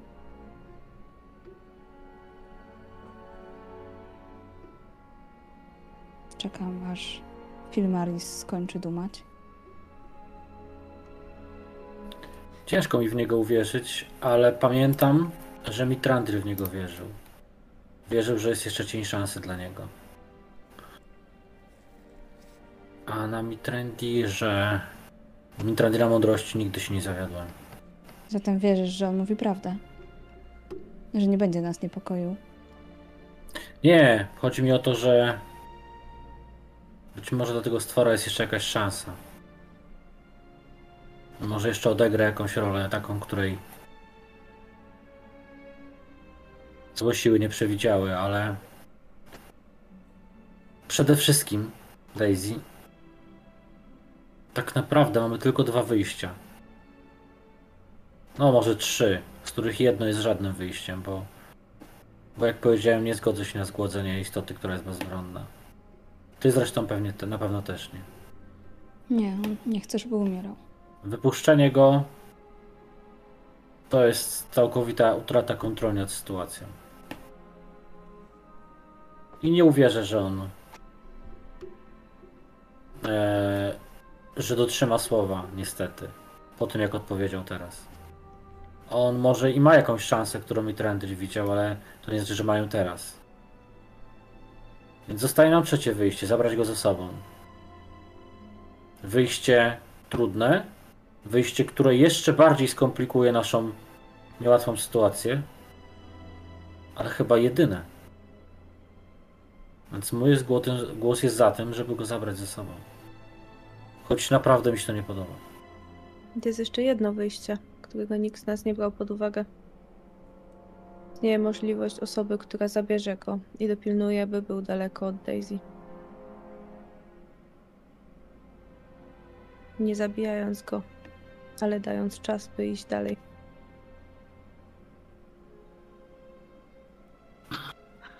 Harsit postępuje jeszcze kilka kroków do przodu i mówi: Stworze, przywitałeś nas słowami, żebyśmy nie nieśli go jemu, żebyśmy nie oddawali pierścienia w jego ręce. Więc myślę, że możemy liczyć na to, iż nie będziesz hałasował, krzyczał, robił rabanu i zostawiał śladów, które mogą nas sprowadzić w łapy nieprzyjaciela. Nie skarbie. Ale najlepiej jakbyście poszli w drugą stronę. I pokazuje na zachód. O tym, dokąd idziemy, nie będziemy z tobą dyskutować. Zbliżam się jeszcze kilka kroków, tak jakby w pierwszej chwili mając ochotę go chwycić gdzieś za, za ramiona, za, za to jego wychudzone ciało, ale powstrzymując się od tego jakimś takim odruchem może obrzydzenia, może politowania. A więc nie hałasuj, nie przeszkadzaj, a zachowasz życie, tak jak, tak jak ci obiecują te miłe panie. Tak, skarbie. Hm, Nie chcemy. Nie chcemy, żebyś się dostał w łapy orków, w łapy czarnego pana. Zbliżam się do niego. Podchodzę, nachylam się i spoglądam w te jego wielkie oczyska. On wyszczerza się w uśmiechu, widzisz te niezdrowe zęby. Będziesz naszym przewodnikiem.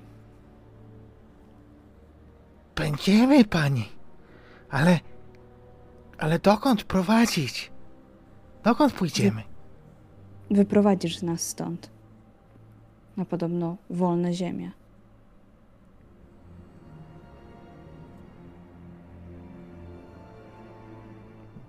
Ithilien. Tam się biją. A my to ominiemy.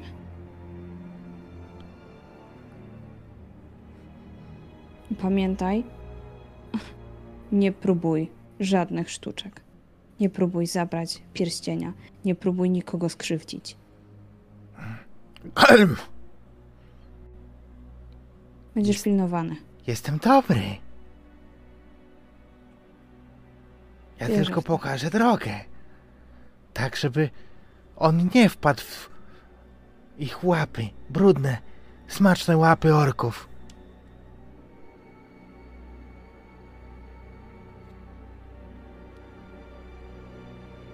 Dobrze. Smigolu. Smigol? Tak cię kiedyś nazywano podobno.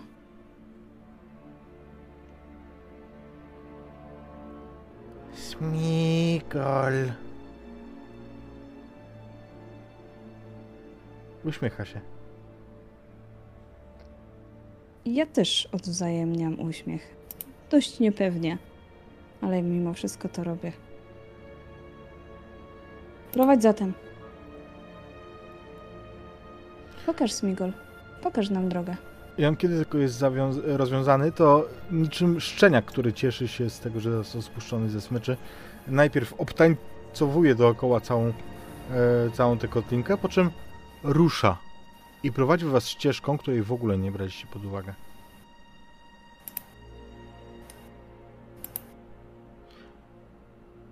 A już następnego dnia, niedługo po śniadaniu z lembasów,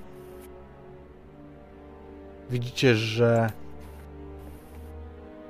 góry stopniowo wypłaszczają się w kierunku południa. A wchodząc na kolejny grzbiet, który musicie pokonać, widzicie okropną panoramę. Na zachód od was czarne, okropne chmury, nad którymi. Yy, chmury, góry, a nad górami chmury też czarne i okropne. Mm, natomiast yy, nad górami widzicie z daleka czerwony poblask i snop światła, czerwonego światła, który krąży, który błądzi i szuka czegoś.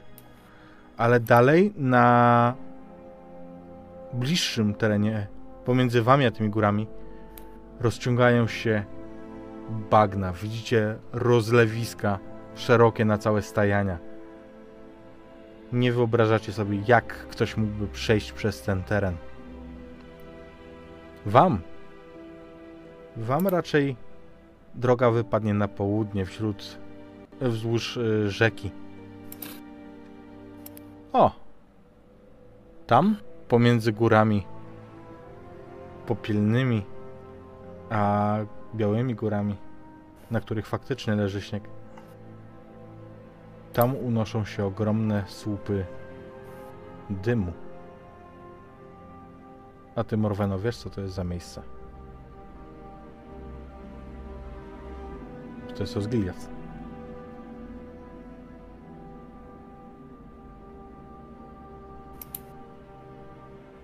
Poglądam w tamtą stronę, obserwując, jak dym wznosi się. Widzisz, że walki o miasto musiały już się zacząć i rozgorzeć na dobre. A Osgiliath stanowi bramę do Itilien tak naprawdę. Musicie obejść jakimś cudem miasto, ale równocześnie tak, żeby nie napatoczyć się na siły Mordoru, a tam przesmyk pomiędzy górami em, tymi okalającymi Mordor, a rzeką i Osgiliath właśnie jest niewielki. Tam będzie to bardzo trudne. I wiesz doskonale, patrząc na to, że tam musi trwać bitwa, że przed wami zadanie, przed którym jeszcze nie stanął chyba nikt w historii. Wyminąć bitwę. Prześliznąć się przez ogromną armię. Tak, żeby nie dać się spostrzec. Środek. To nie będzie łatwe. Z drugiej strony widzisz, że możecie skręcić na wschód, przejść przez te okropne bagna. No i co dalej? Forsować Moranon? Forsować Czarną Bramę? Ty wychodzisz i czujesz po prostu taki, takie udarze, uderzenie beznadziei, że nie wiesz. Ja myślę, że to widać na twarzy Morweny. To wahanie, tą ścianę przez nią.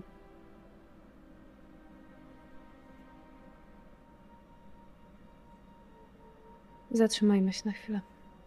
Postój. Stajecie u stóp tych gór. Nie trwa to długo, kiedy Golum wraca w zębach z jakimś obrzydliwym, błotnym y, stworzeniem, jakąś, jakimś płazem, który jeszcze rusza się w jego y, ustach, kiedy on go rozszarpuje.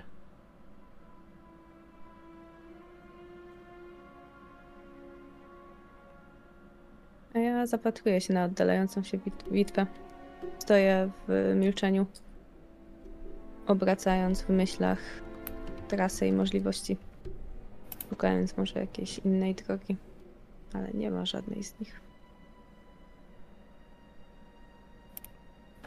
Jest zła droga i gorsza. Mm. I chyba żadne z was nie wie, która to która. Prawda.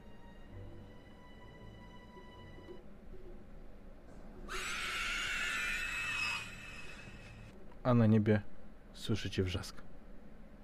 Na ziemię. Na ziemię. I znów przypadacie. Widzicie em, Goluma Smigola, który telepie się cały z, ze strachu. On ulega jakiemuś atakowi paniki. On y, boi się tych upiorów jeszcze bardziej niż. Ja Niż wy. myślę, że przypadnę do niego, żeby go też okryć płaszczem, żeby on też nie był widoczny. Jego jednak da się wypatrzeć. Kiedy zadzieracie oczy, widzicie dwa skrzydlate kształty kołujące nad tymi bagniskami i ewidentnie po prostu patrolujące ten teren. To nie będzie łatwy czas dla Was, Zdecydowanie nie. ale to będzie dobry moment, żeby skończyć ten odcinek. Widzimy się, moi drodzy, za dwa tygodnie w kolejnym odcinku tego sezonu. No i w końcu dotarliśmy do tego etapu, w którym nasza opowieść oderwie się od tego, co mistrz Tolkien nam napisał, no bo tutaj już nie ma szans, żebyśmy poszli tą samą ścieżką, co drużyna ta pierwotna. Ale powiedzcie, jak się bawiliście? Bardzo dobrze. Mi się podobało. Fajnie, że Ciekawie. Do, do nas dołączył. Znaczy dla mnie, fajnie było, dla mnie było fajne to rozważanie właśnie na temat tego dwukrotne co z Golumem. Czyli dlaczego. Jak inaczej jednak każdy z nas troszkę myśli, bo jesteśmy z innych kultur, z innymi Nie doświadczeniami. jest zadowolony. Toż to zdrajca. Zdrajca i morderca. Nie należy mu ufać. Hochstapler. Więc tak, to była bardzo, bardzo ciekawa sesja. No, to jakby ja jestem ciekawy, co zrobicie z nim dalej. Zwłaszcza, że zbliżamy Mm. się do kulminacyjnych momentów y, dla całej podróży, nie? Mm. Bo de facto w następnych dwóch odcinkach będzie się decydowało, czy będą dwa sezony, czy trzy, nie? Mhm. No właśnie. No Też, tak. też, też mi to przeszło przez myśl, że jesteśmy stosunkowo już daleko w podróży, ale to też dlatego, że się nie rozdzieliliśmy. Nie rozdzieliliśmy. Póki co, No. chociaż się, ładnie zaproponowała. że się nie rozdzieliliśmy. I wszyscy tak znacząco na Adelarda, nie? Tak jakby... Jak Ma- Mary, Mary i Pippin poszli, nie? A my mamy tylko jednego niziołka górką. No, on, robi- on robi za dwóch, spokojnie. E, Była możliwość, nie? Wbrew pozorom to była opcja, jeżeli nie chcemy mieć Goluma blisko Daisy. No, a nie Wysłać Adelarda, tak? Nie no, to trzeba by się być na dwie części, myślę, nie? Znaczy na dwie, więcej niż jedna osoba z nim musiała iść. Chociaż ja, wiecie co, wyobrażam Słuchajcie. sobie tą scenę, gdzie, wiecie, tą sesję, która cała przebiega w ten sposób, że siedzi Adelard obok niego Golum i łowią ryby. I zadają sobie Ja te myślę, zagadki. Grają w zagadki, przede wszystkim grają w zagadki, tak. ja myślę, że oboje byliby szczęśliwi w miarę. No, na, na Królu Wód można byłoby takiego spin-offa zagrać. Jakbyśmy tak do Mordoru wysłali Adelarda z Golumem i pod górą przeznaczenia Golum powiedziałby pokaż pierścień, a Adelard ha! Nie mam pierścienia. To Zgadnij, chyba gdzie wszystko- jest. Zgadnij, gdzie jest. Gdzie oni Zniszczony, zniszczyliśmy go tydzień temu. Gdzie oni poszli w skarbie? Oni Albo poszli w najgorsze zagraj- miejsce, poszli do Sosnowca. Oh no. Ostatnio tam aresztowali człowieka, który jechał na, miał wypadek, był nago, a na siedzeniu przed nim obok niego był przywiązany żywy łabędź. Także. Co? Tak. Okej. Nie wiem, czy to iluzję. Nie, A, nie a, było na, mi to a potrzebne. na drugi, a na tylnych siedzeniach było iść tam kaczek żywych. I moi drodzy, tym optymistycznym akcentem skończymy dzisiejszy stream. E, dziękuję Wam za liczne przybycie. Mam nadzieję, że bawiliście się dobrze. Zostawcie kom- koniecznie komentarze pod filmem. No i jeszcze dużo sesji w tym e, tygodniu, bo jutro na przykład gramy z patronami w kult. Zapraszam Was już E, teraz. Rajdzik jakiś czy będzie, czy nie? Ma? Możemy zrobić rajdzik, możemy zrobić rajdzik e, do rzucenia gadaj.